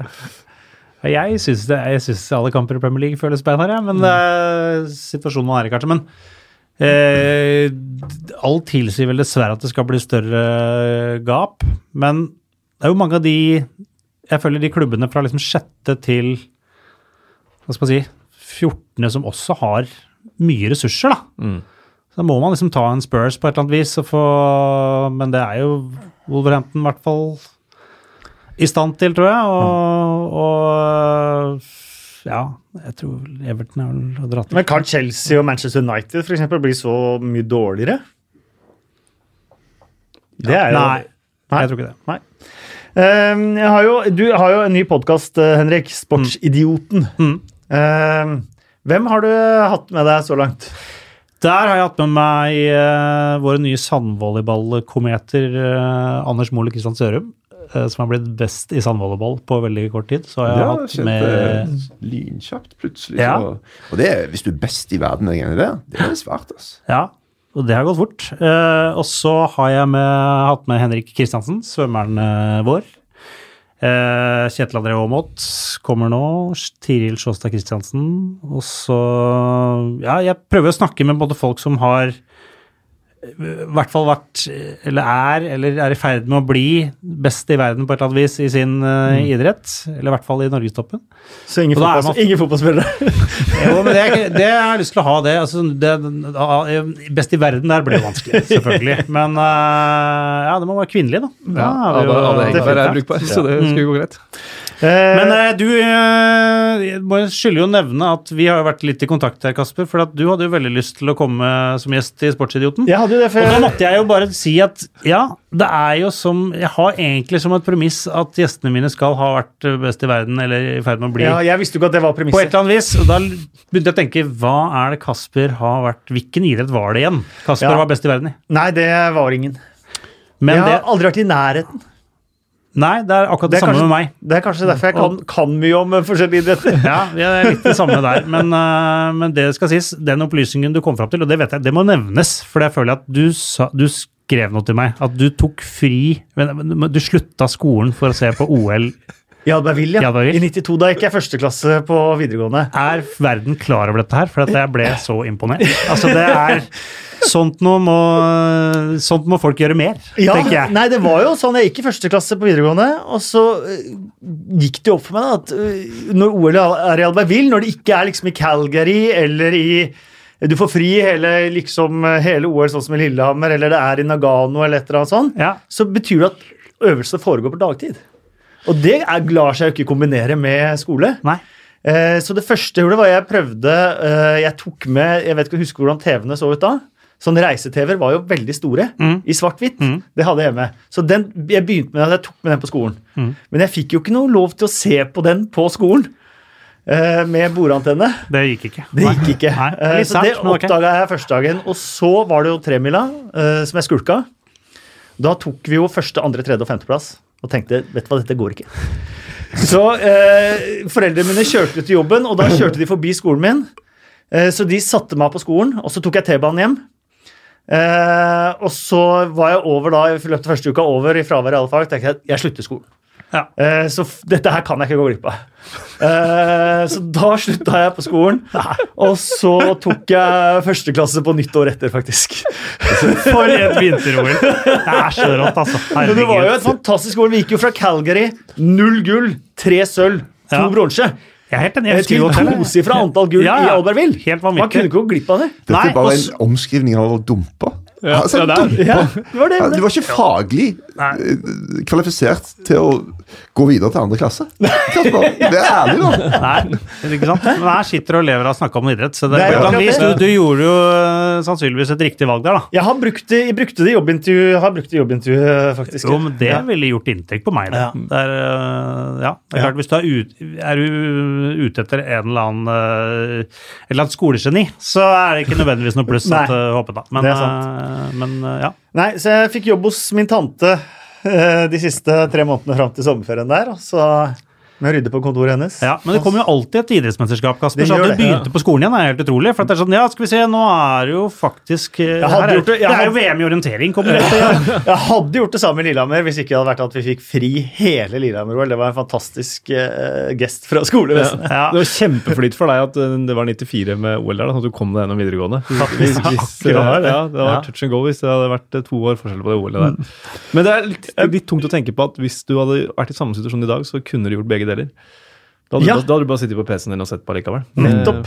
Så det er ikke noe problem for de som, eh, som holder på i dag. Men var du kaptein på debattlaget på videregående?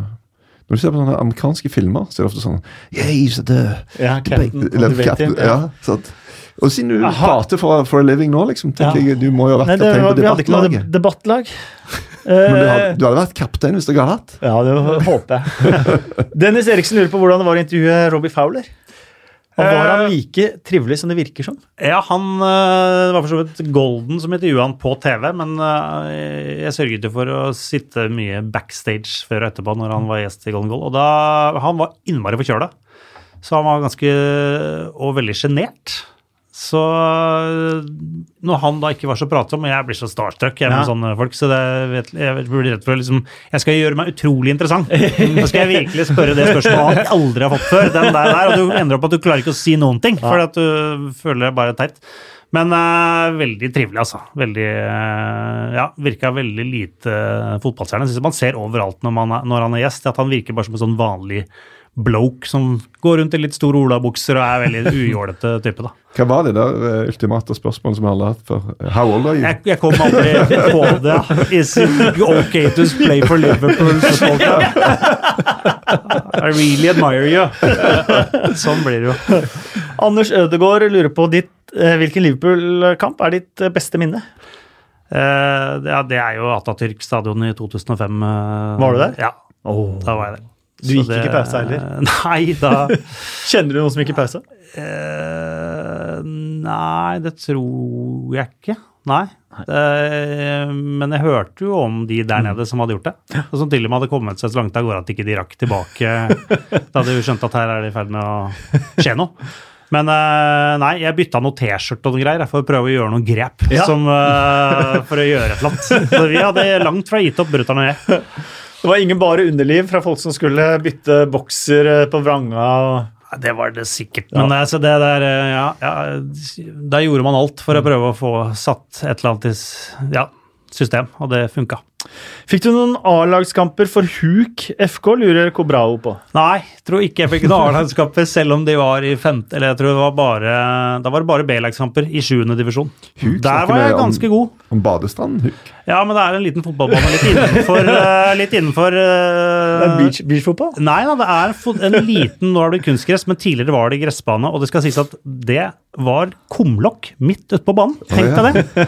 Så det var sånn forsiktig bortfor kumlokket. Der var det egentlig ikke greit å takle hverandre. For altså, hvis du traff kumlokket, så var det, da Så det ferdig. Så hvis noen uh, rana Norges Bank, så kom de opp akkurat der. Det var det, så, det de kom opp. Ja, sannsynligvis. Midt Men, men er det ikke, en, ikke en huk og nudiststrand? Er det? Jo, det er vel også Var, det. var det Så det er ikke, det er ikke, short- det er ikke shortser på Var det ikke et draktene? nudistlag? Nei, det er det. Vi spilte bare spør med drakt, og så var det bare Drakt og strømper. Det var valgfritt. Må ikke ha drakt.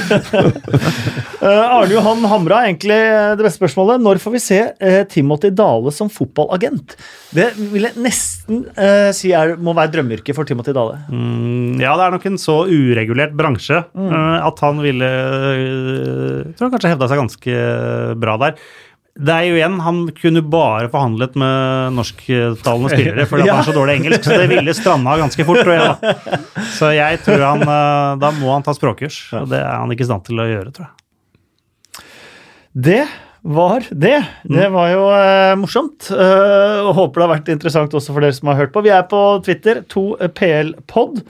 Eh, vi er eh, på iTunes, hvor hvis du har hørt her, så kan du legge inn noen stjerner og noen varianter eh, der. Og så må dere høre på Sportsidioten. Ja. Det høres bedre ut hvis jeg sier det, vet du. Ja, ja, ja. Si det nå, Kasper. Og så må dere høre på Sportsidioten. Jeg har lagt den på, legger den på favoritter umiddelbart.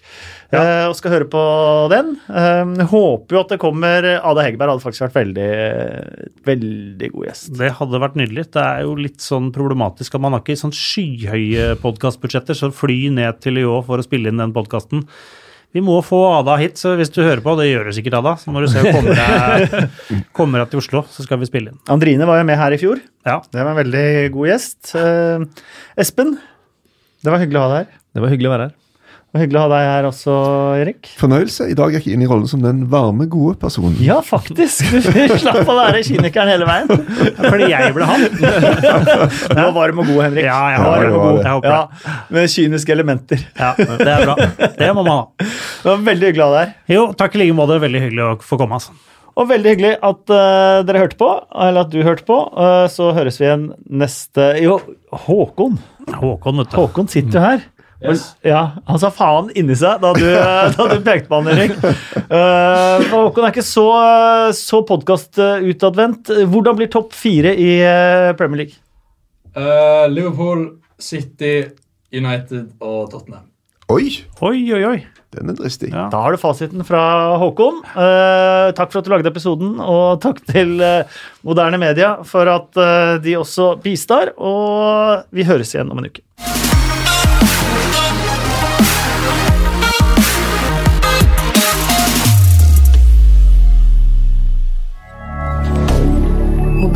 milliardaire